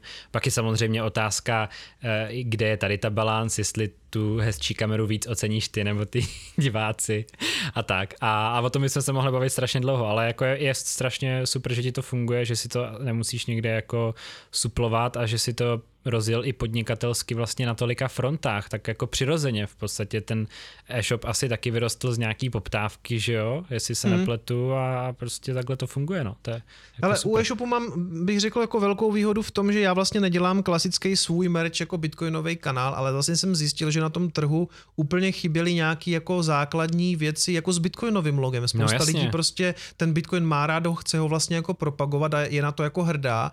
A já jsem si říkal, ty vole, proč to nikdo neprodává? Na to nejsou žádné ochrany známky, mm-hmm. protože to open source, jo. Jsem si říkal, no, tak já to budu dělat, že jo. A začali jsme, já jsem s nějakým tričkem hodl a s nějakým hrnečkem, jenom tak, aby jsme ten e-shop vůbec postavili, abych já pochopil, jak ty věci fungují. Ale pak už přidat produkt je právě prostě hrozně bezbolestný, takže postupně se to rozhostlo prostě na nějaký jako, uh, že jo, čepice s vyšitým logem. A to já tady nechci dělat reklamu tomu e-shopu, mm-hmm. jenom jako chci říct, že jsem to měl o to jednodušší, že já vlastně nepracuju s tím logem bitcoinového kanálu, ale pracuju s tím bitcoinovým no, logem, což je daleko silnější brand, jo. V tom mám jak kdyby velkou výhodu. Mm-hmm, jo, že se to... na tom svezeš na té obří cílovce, jo, jo, která jo. vlastně ten člověk nemusí být tvůj fanoušek, aby pro něj dával ten merch smysl vlastně. Dokonce. Přesně tak, přesně tak. Jako, já, já, to tak i říkám, já nepotřebuji, abyste nosili jako tričko s mým logem, s bitcoinovým kanálem. Já, já, mě jde vlastně taky o to, aby jsme zpropagovali bitcoin, takže já prostě dělám uh, jako bitcoinový merch. No. Je super. A plus teďka, teďka jsme v létě třeba dělali tu deskovku, to, to byla prdel, protože tam je zase ten edukační, jako že jsem, že mě nenapadlo, že budu mít jako deskovou hru, jako bitcoinový kanál, ale, ale tak to jsou už takový srandy, no. Mm-hmm. No, všechno ti to zapadlo dohromady, jako, jako hezká skládačka si myslím, takže to je jako paráda.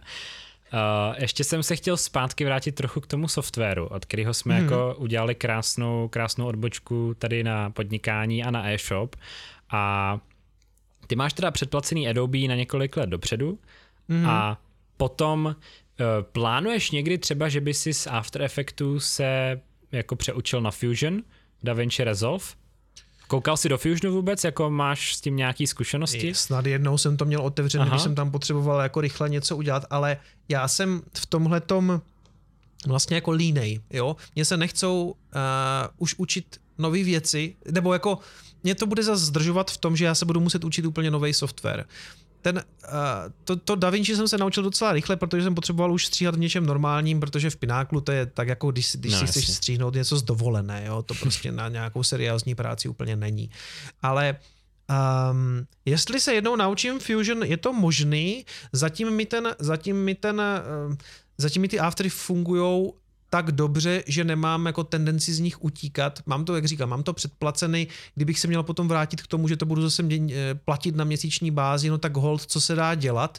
Zase bych se pokusil, to jsou takové ty stránky, takový ty software codes a takový, kde si ten, kde si ty, kde, obvykle najdeš nějaký deal a i, i, i Adobe sem tam přichází s nějakým dealem, jakože prostě mají slevu a tak, tak, se, tak je docela dobré to využít, ale vlastně máš pravdu, že tady mám zaplacenou celou tu suitu, že jo, celou, celý ten balíček těch aplikací a používám z toho toho Audition a používám z toho After Effecty a sem tam teda otevřu jako ilustrátor nebo Photoshop, když chci upravit nějaký software, jo. Takže já nevím, no.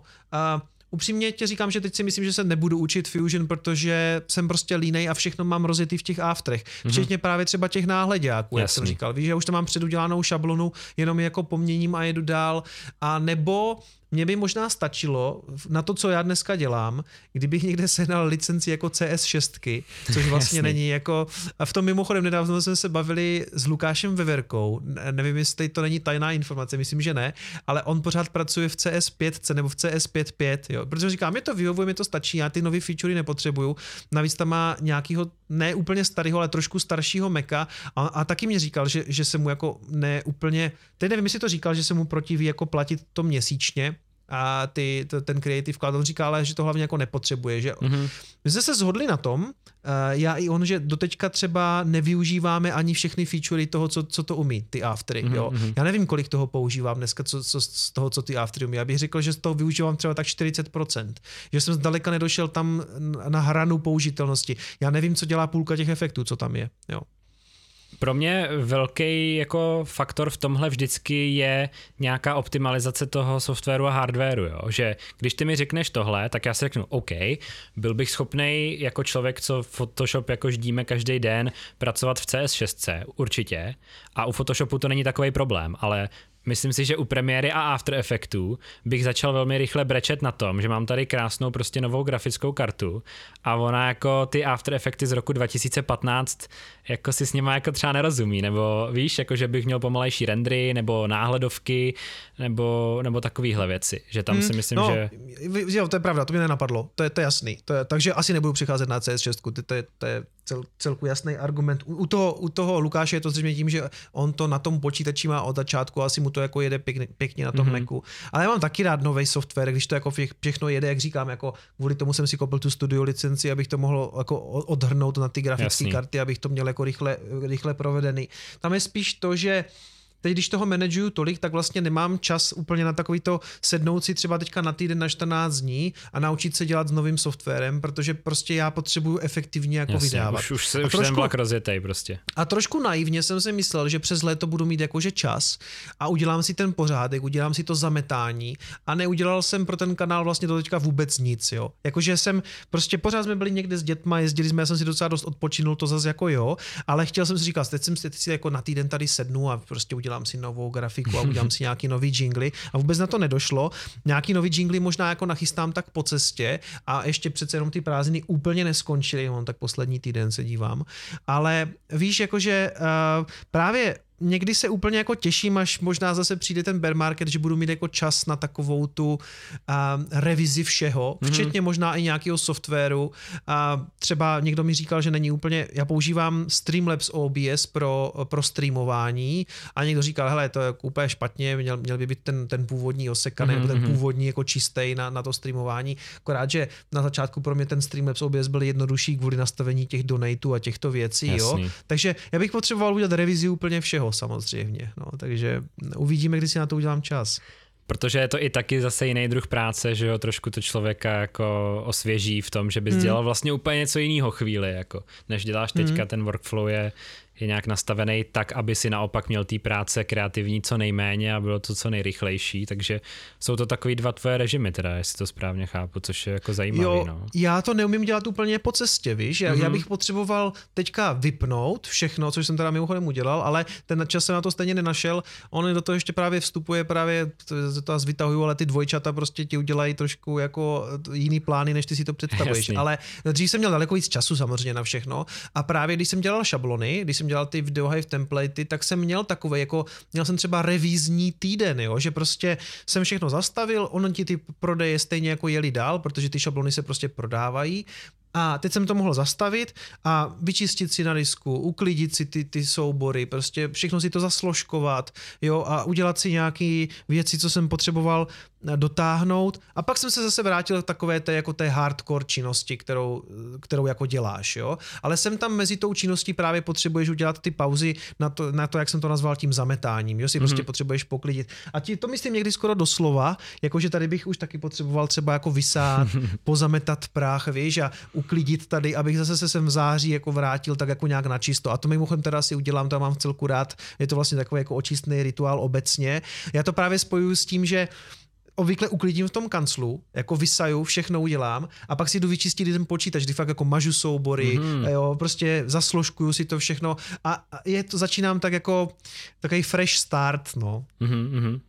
To je super, já jsem měl přesně tohle, co popisuješ eh, teďka vlastně v lednu, kdy jsem si řekl, zase inspiruju se těma jako velkýma youtuberama a dám si jako pauzu lednovou, takže jsem mm-hmm. měl mhm. celý leden prostě vyhrazený přesně na tohle, jako uh, zamyslet se nad tím workflow, nějak to upravit, udělal jsem si teda celý prostě redesign, nějaký nový animace, všechno, nějaký plány a tak dále. A myslím si, že když je to celý měsíc, tak to jednou ročně možná i jako stačí. A když hmm. člověk třeba, jak říkáš, nemá o čem točit, nebo je nějaká okurková sezona.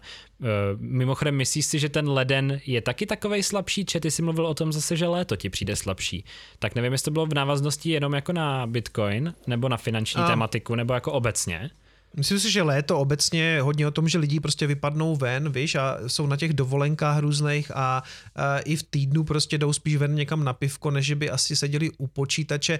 Nebo takhle, já, jsem, já to mám z toho biznisu prodeje těch šablon, kdy prostě bylo jasný, že mi spadne příjem na červenec, srpen třeba o 40 až 50 Prostě mm-hmm. ty mhm. šablony se neprodávaly a říkal by si, proč, jako proč prodají grafických šablon, jo? ale prostě ty firmy měly dovolenou a a pak se to začalo vždycky zdvíhat v druhé polovině srpna, kdy oni zase připravovali třeba nějaký kampaně, tak možná začali nakupovat prostě zase jako šablony, se to jako zdvíhalo, ale vždycky bylo prostě pro ty šablony, co jsem dělal, tak bylo nejsilnější podzim a jaro, No, ale určitě, určitě to pak klasická pauza vánoční, kdy je to vlastně taky taková trošku okurkovka, protože nikdo mezi těma svátkama jako nekupuje žádný grafický šablony, mm-hmm. jo, mhm. to jako, ale uh, z těch Nevím, nevím, jak je to na YouTube, vlastně bych, já jsem ten kanál začínal mm, vlastně víceméně 2019 eh, v únoru a jel jsem celý léto, já jsem o tom takhle nepřemýšlel, ale v té době to bylo jediné, co jsem dělal, takže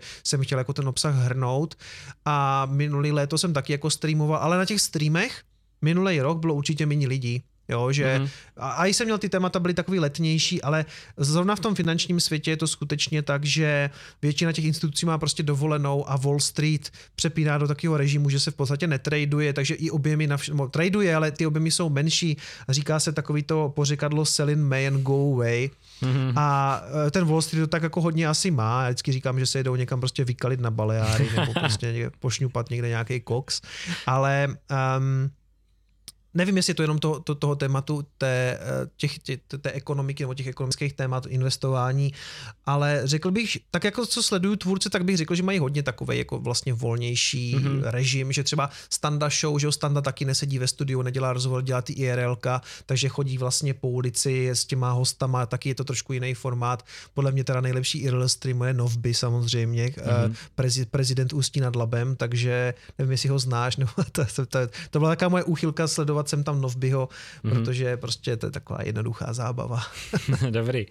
Eh, no, ono se na YouTube vlastně často hlavně to řeší ty americký youtubeři, kteří koukají taky přece jenom na jiný ad revenue, než koukáme my, eh, kvůli tomu, kolik se tam platí za reklamu, tak mm-hmm. hodně řeší to, že eh, jak se blíží Vánoce, tak se to všechno zvedá, zvedá, zvedá. Ty reklamy mm-hmm. jsou dražší a dražší a dražší. Pak přijde ten prosinec, který je největší dojná kráva a pot, potom přijde ten útlum toho ledna, kdy jako to prostě spadne úplně brutálně a pak se to během jara zase postupně začne zvedat. Takže... No to já jsem tak určitě neměl, víš Aha, proč? Povídej, protože, povídej. protože pumpovala cena Bitcoinu Jasně, od no. Vánoc no. více. Takže on se vrátil na 20 tisíc, on se vrátil na 20 tisíc, pak šel na 30, najednou byl 40, 50 a pak se teda vysypal někdy v tom květnu od té doby v nějaké korekci, když se stejně už vrací na 50 tisících, takže u mě to dost určuje, jaká je cena, respektive jak moc je volatilní. Jo? Že já vidím tu sledovanost, i když se to propadne a vydám video, tak všichni chtějí vidět ten ultimátní důvod, stalo, proč, no, proč se to propadlo, jo. Které já stejně nikdy pořádně nevím, protože ty nevidíš přesně do toho trhu, ty prostě nevíš, proč ten trh zareagoval takhle. A někdy to ani nemá žádné opodstatnění vůbec, jo. Někdo tam prostě hledá, jestli to byl ten mask, jestli tweetnul, ale většinou jsou to spíš jako ty pohyby těch obchodníků na těch, na těch pákových burzách, hmm. ten celý přepákovaný samozřejmě jako notoricky, ale a to je zase asi na jiný stream, ale aby jsme se vrátili k tomu, jo, moje sledovanost jednoznačně do jisté míry je určená jako tím, co dělá cena Bitcoinu, jo.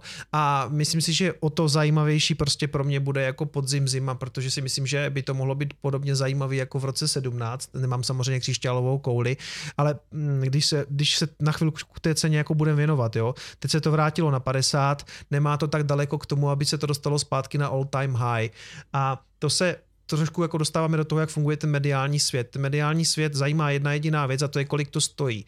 A až se to zase vrátí na all time high, tak o tom zase budou referovat všechny média. Mm-hmm. Uh, má být se mnou nebo i s jinýma samozřejmě lidma z té české kryptoměnové scény, má být dokument na české televizi, nebo uh, je to takový pořad bilance, který se věnuje takovým jako futurističtějším tématům. Má to být mimochodem 30. srpna a někdy v 10, myslím, po reportérech ČT.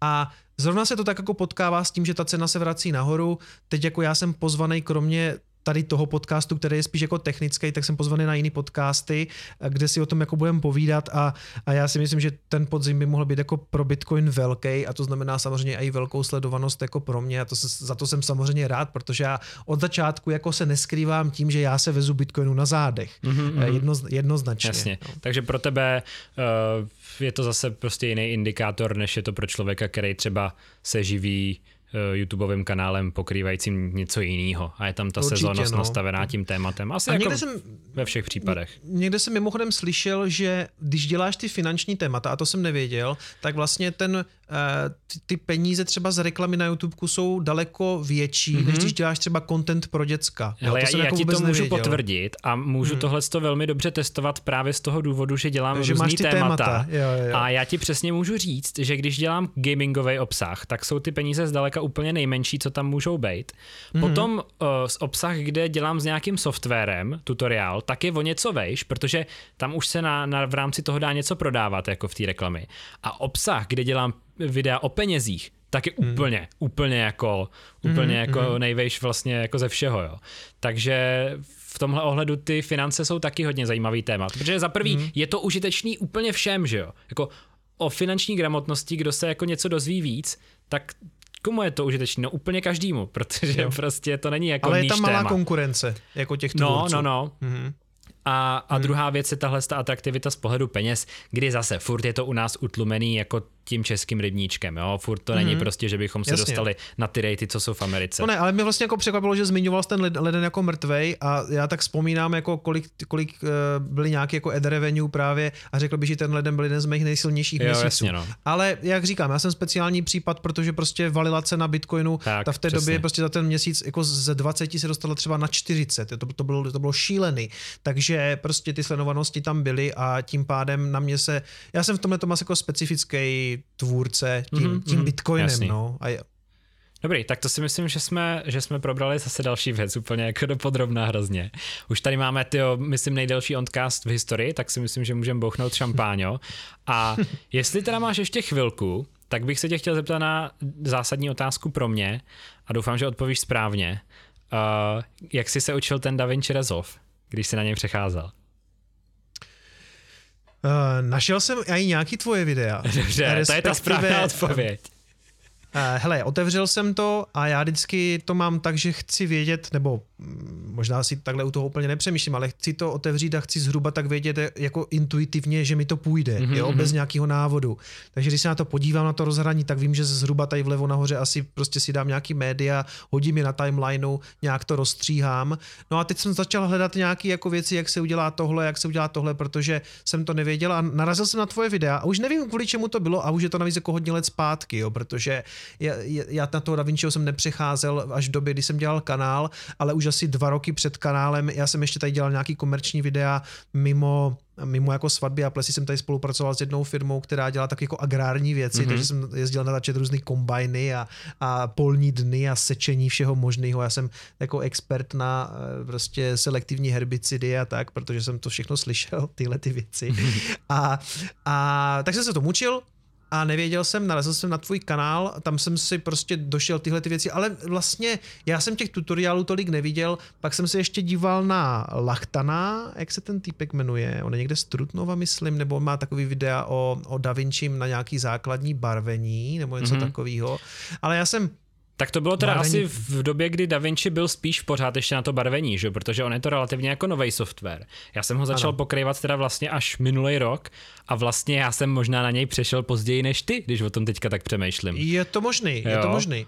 Ale já jsem potom totiž dohledával si nějakou, nějaký další věci, které jsem našel u tebe, Aha. pak nějaký možná i zahraniční tutoriály, ale mně vlastně přijde poměrně dost intuitivní, eh, že mm, já tady mám takový ten Shuttle Pro, takový ten ovladač prostě s tím kolečkem mm-hmm. a to. A tam jsem si namapoval ty základní funkce a já možná stříhám poměrně primitivně, já nevím, jo, ale já prostě dělám to, že si prostě najdu začátek záběru, ustříhnu to, dojedu nakonec, ustříhnu ten konec, posunu si to a jedu takhle dál a zrovna, zrovna jako Coinespresso je velice jako takový lineární pořad, mm-hmm. kde já prostě něco říkám, skončím, je přechod, pokračuju dál, to není nic extra sofistikovaného, jo, to se stříhá hrozně rychle a hrozně dobře, jo. Tam nejsou ani žádný super efekty, mám všechno předudělaný, to je jak skládačka pro mě. Takže já si nemyslím, že bych byl nějaký odborník na DaVinci, já v tom dělám, co já potřebuju, to je podle mě důležitý, jo, aby ten software jako ti sloužil jako jako zedníková lopata, jo? Mm-hmm. že ty prostě nesmíš přemýšlet moc. Já, mám, já se snažím co nejvíc používat třeba klávesové zkratky, tady jak mám ten Shuttle Pro, tak jednak se pohybuju na té ose, plus tam mám to zařezávání uh, konce začátku, aby to bylo rychlý. Tady ještě mám vlastně Stream Deck, že já mám velký Stream Deck na streamování, ale původně jsem měl tady ten malej. A teď ten malej tady používám uh, právě ještě s DaVincim, že tam mám nějaký jako základní posun o jeden frame dopředu, posun mm-hmm. o jeden frame dozadu. A takový jako tady si třeba, tady mám na něm třeba i zapínání jako světel, takže si prostě můžu rychle jako rožnout na sebe světla, když chci natáčet.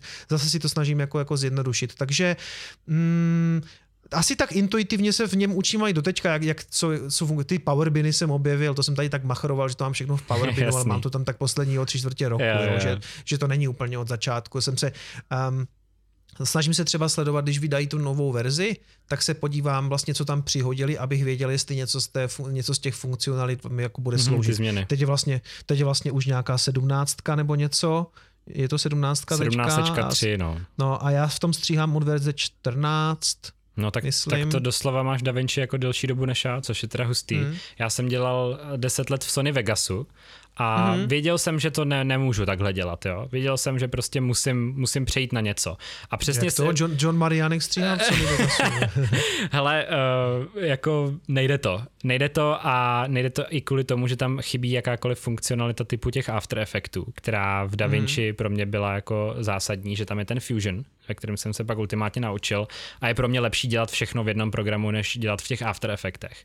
A i ta nodová struktura už mi přijde lepší než eh, layer-based jako workflow, mm-hmm. což ne, nevím, že bych jako, nikdy jsem nečekal, že tohle řeknu, jo, protože za začátku ti to přijde strašně jako divný, ale pak je to vlastně takový, že jak ty říkáš, eh, stačí si prostě jeden asset z toho vypojit, připojit tam nějaký jiný a máš vlastně hotový celý ten obrázek a nemusel si s ničím složitým hrabat, jako jo. A i na ty animace se mi to líbí, jako ten Fusion mám fakt vlastně asi úplně teďka nejradši, proto teďka dělám samý tutoriály na motion grafiku a na to, eh, jak tam udělat prostě, aby se ti hejbal progress bar a procenta mm-hmm. skákaly takový, jaký chceš, protože mě baví ta práce přesně s těma expressions, s, s tím prostě matematickým vyjádřením nějakých křivek, animací a takhle. A ve Vegasu to bylo dobrý na střih, ale vlastně tam ani nebylo moc dobrý to barvení. Tam Vegas byl skvělý na jednoduchý, rychlej střih. Vlastně na to, co ty děláš teďka s tím Coinespressem, tak bych mm-hmm. řekl, že Vegas byl úplně naprosto perfektní. A ne, že by Da Vinci na tohle dobrý nebyl, ale byly tam strašně velký ty bolesti toho přechodu pro mě z Vegasu na Da Vinci, protože to nebylo podobný. A nebylo to mm. podobný pro mě i z toho důvodu, že jsem byl jako hodně hardcore uživatel, který využíval fakt jako maximum toho Vegasu. A najednou ty jako okrajové věci byly v DaVinci úplně jinak a já jsem se musel to přeučit a fakt eh, jsem do toho jako hardcore skočil, řekl jsem si, že to musí být a najednou jsem se za pár měsíců z DaVinci naučil jako podle mě dost dobře. Zužitkoval jsem tam těch deset let zkušeností z toho Vegasu jako velmi, přestože ten program byl jiný, tak znáš to, že jo, to, to, že něco umíš dělat, tak ten nástroj jako je jenom jedna část toho prostě, aby to fungovalo, Jasně. jo. Mm-hmm. A pak jsem začal dělat najednou na DaVinci tutoriály, protože jsem si řekl, jako není to tady přesně a teďka jako začínal ještě uh, covid, takže všichni prostě začali být doma a všichni podnikatelé začali řešit, jak svoje podnikání přesunout do onlineu a najednou to video potřebovalo dělat strašně velké množství lidí a jsem začal dělat tutoriály mm. a jako šlo to a najednou jsou to nejsledovanější videa, co tady jako teďka mám, že jo, v podstatě. Mm-hmm. Když je taky taková jako vlastně niž věc, že jo? Jo, je to hodně, je to hodně specifický a ani by člověk na první pohled neřekl, že si to najde takhle velkou cílovku. Jako.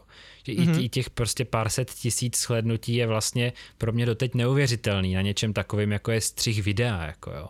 Ale myslím mm-hmm. si, že tomu teda zase, eh, že jsem se, jak ty se vezeš na Bitcoinu, tak já jsem se trochu svezl na tom covidu v tomhle.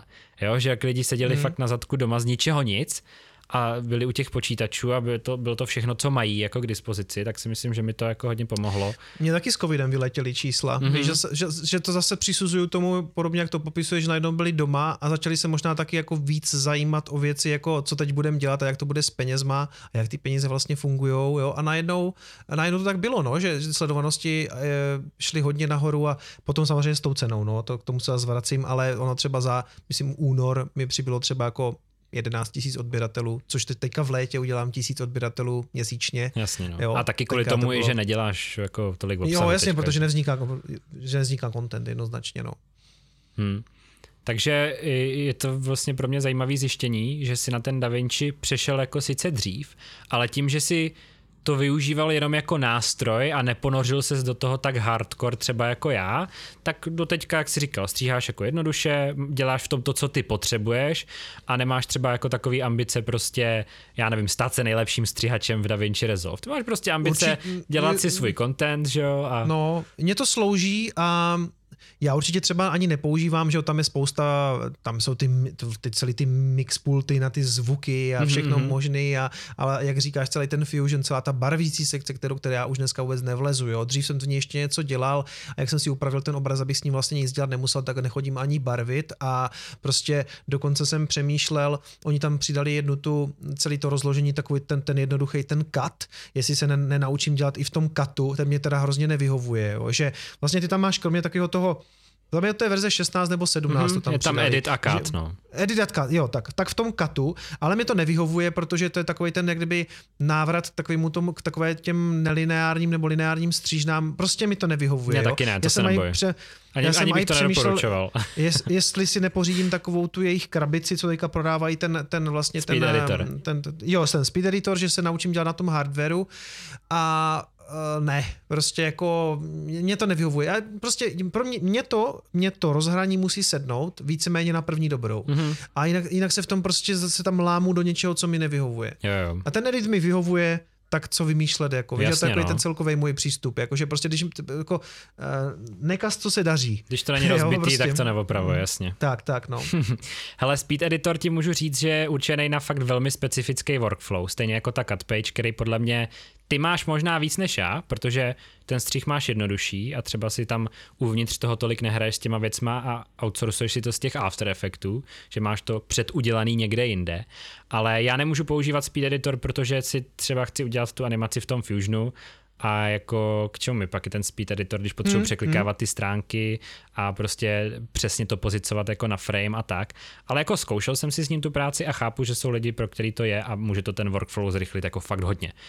A to... A mě stejně ten speed editor jako víceméně supluje tady ten Shuttle Pro. Přesně víš, tak, takže přesně vlastně tak, takže ty máš místo nemusím, toho jiný jako Není nástroj. důvod moc, mm-hmm. no. Ten dělá mm. jako víceméně stejnou funkci. Dobrý, hele, já si myslím, že uh, nás tady trošku teďka tlačí čas, aby už jsme to utnuli, ale moc rád bych si pokecal zase někdy jako znova i třeba na, na jiný téma, na jiný téma, moc mě to bavilo dneska chci tě ještě Mě jednou moc krát poděkovat, že jsi přišel. Nemáš zač, já jsem přišel rád. Jestli máš nějaký ještě závěrečný slova pro, eh, když si představíš, že před tebou teďka sedí v lavicích, dejme tomu tisíc mladých tvůrců, který prostě nadšeně hltají každý naše slovo dneska, chtěli by strašně eh, se v tom kreativním biznisu realizovat, tak jestli bys jim chtěl ještě něco říct jako na závěr. Uh, ať se nebojí hlavně tvořit. Mám pocit, že spousta lidí o tom tvoření hlavně strašně moc přemýšlí a ve výsledku se jako bojí tu kameru vytáhnout a jít něco natočit, protože ve výsledku to první video stejně bude stát za hovno. Tak to prostě je, ale musíš si tím projít, jako musíš vyzkoušet pár pokusů, než zjistíš, jak se to řemysle dělá. Jako nenaučí se to úplně u podcastu. Je dobrý si ty podcasty poslechnout, rozhodně, posune tě to, rozvine tě to, a nejdůležitější je vždycky tu věc jako dělat. Jo? Já vždycky říkám learning by doing. Jo? A to je stejný, mimochodem tak je to i to investování. Jako nemá smysl uh, pořád sedět u všech investičních videí, nakonec stejně člověk musí jít, vzít nějaký peníze a trošku se spálit, aby jako zjistil, jak to funguje. A vlastně u té práce s tím videem je to stejný, jo, prostě první nějaký pokusy, uh, nepodařený zvuk, to se stalo každému, mě, mě taky na jedné svatbě úplně jako vypadl mikrofon, měl jsem to hluchý, jo, a pak musíš jako řešit, co s tím budeš dělat, jo, a to mám tady takovou vtipnou historku, že to zrovna vypadlo jako během obřadu a Ježiš. já jsem a, a naštěstí, ale ne na ty zásadní části, kdy si říkali ano, mm-hmm. ale na ty části, kdy mluví jako ten, tam ta paní oddávající. A já jsem na té svatbě, já jsem tam jezdil často na to místo a já jsem našel nějakou starší svatbu, kde ona říkala úplně to sami. Takže kdykoliv jsem odjel z toho záběru, tak jsem tam vlastně nastříhával ten starý zvuk z té úplně jiné svatby. Ona naštěstí, jak říkám, říkala úplně to sami. Pak naštěstí na to ano, jsem tam ten jako zvuk měl, ale pak na nějaký části, kde mi ten zvuk chyběl, tak jsem z toho udělal takový funny klipky, jakože aha. na muziku, ale prostě já jsem byl permanentně z té střížně spocený, co s tím do prdele budu dělat. A takovýhle fuck upy si myslím, že prostě člověk musí zažít, aby se prostě jako nějak poučil a je to, prostě běžte a tvořte, no. A sem tam se vám stane takovýhle vtipný fuck up. Skočte do toho, no. To, to je přesně ono. Dneska ty možnosti má fakt každý. Každý může vzít ten telefon, nemusíte mít žádnou vstupní investici a jde to dělat prostě od dneška nebo od zítřka, hmm. ale od zítřka už je špatně, dneska je to lepší. tak jo, tak díky ještě jednou moc, že jsi udělal tolik času a přeju ti hodně štěstí ve tvorbě. Myslím si, že ten podzim bude hodně zajímavý a stejně tak bych chtěl všem, kdo tohle poslouchá a třeba Kicoma tolik neznáte, tak doporučit hodit si tam odběr, podívat se na úvod do btc.cz a jak jsem říkal už během podcastu, je to důležitý pro každýho. Nemusíte si ten Bitcoin koupit, ale vědět o něm a co to je, tak je jako zásadní věc podle mě v dnešní době a fakt doporučuji, doporučuji moc tuhle tvorbu. Já moc děkuji Ondro za pozvání a moc rád jsem si pokecal taky o něčem jiným, než je Bitcoin na kryptoměny. Mějte se hezky, ty taky Ondro. Čau. Mějte se, čau.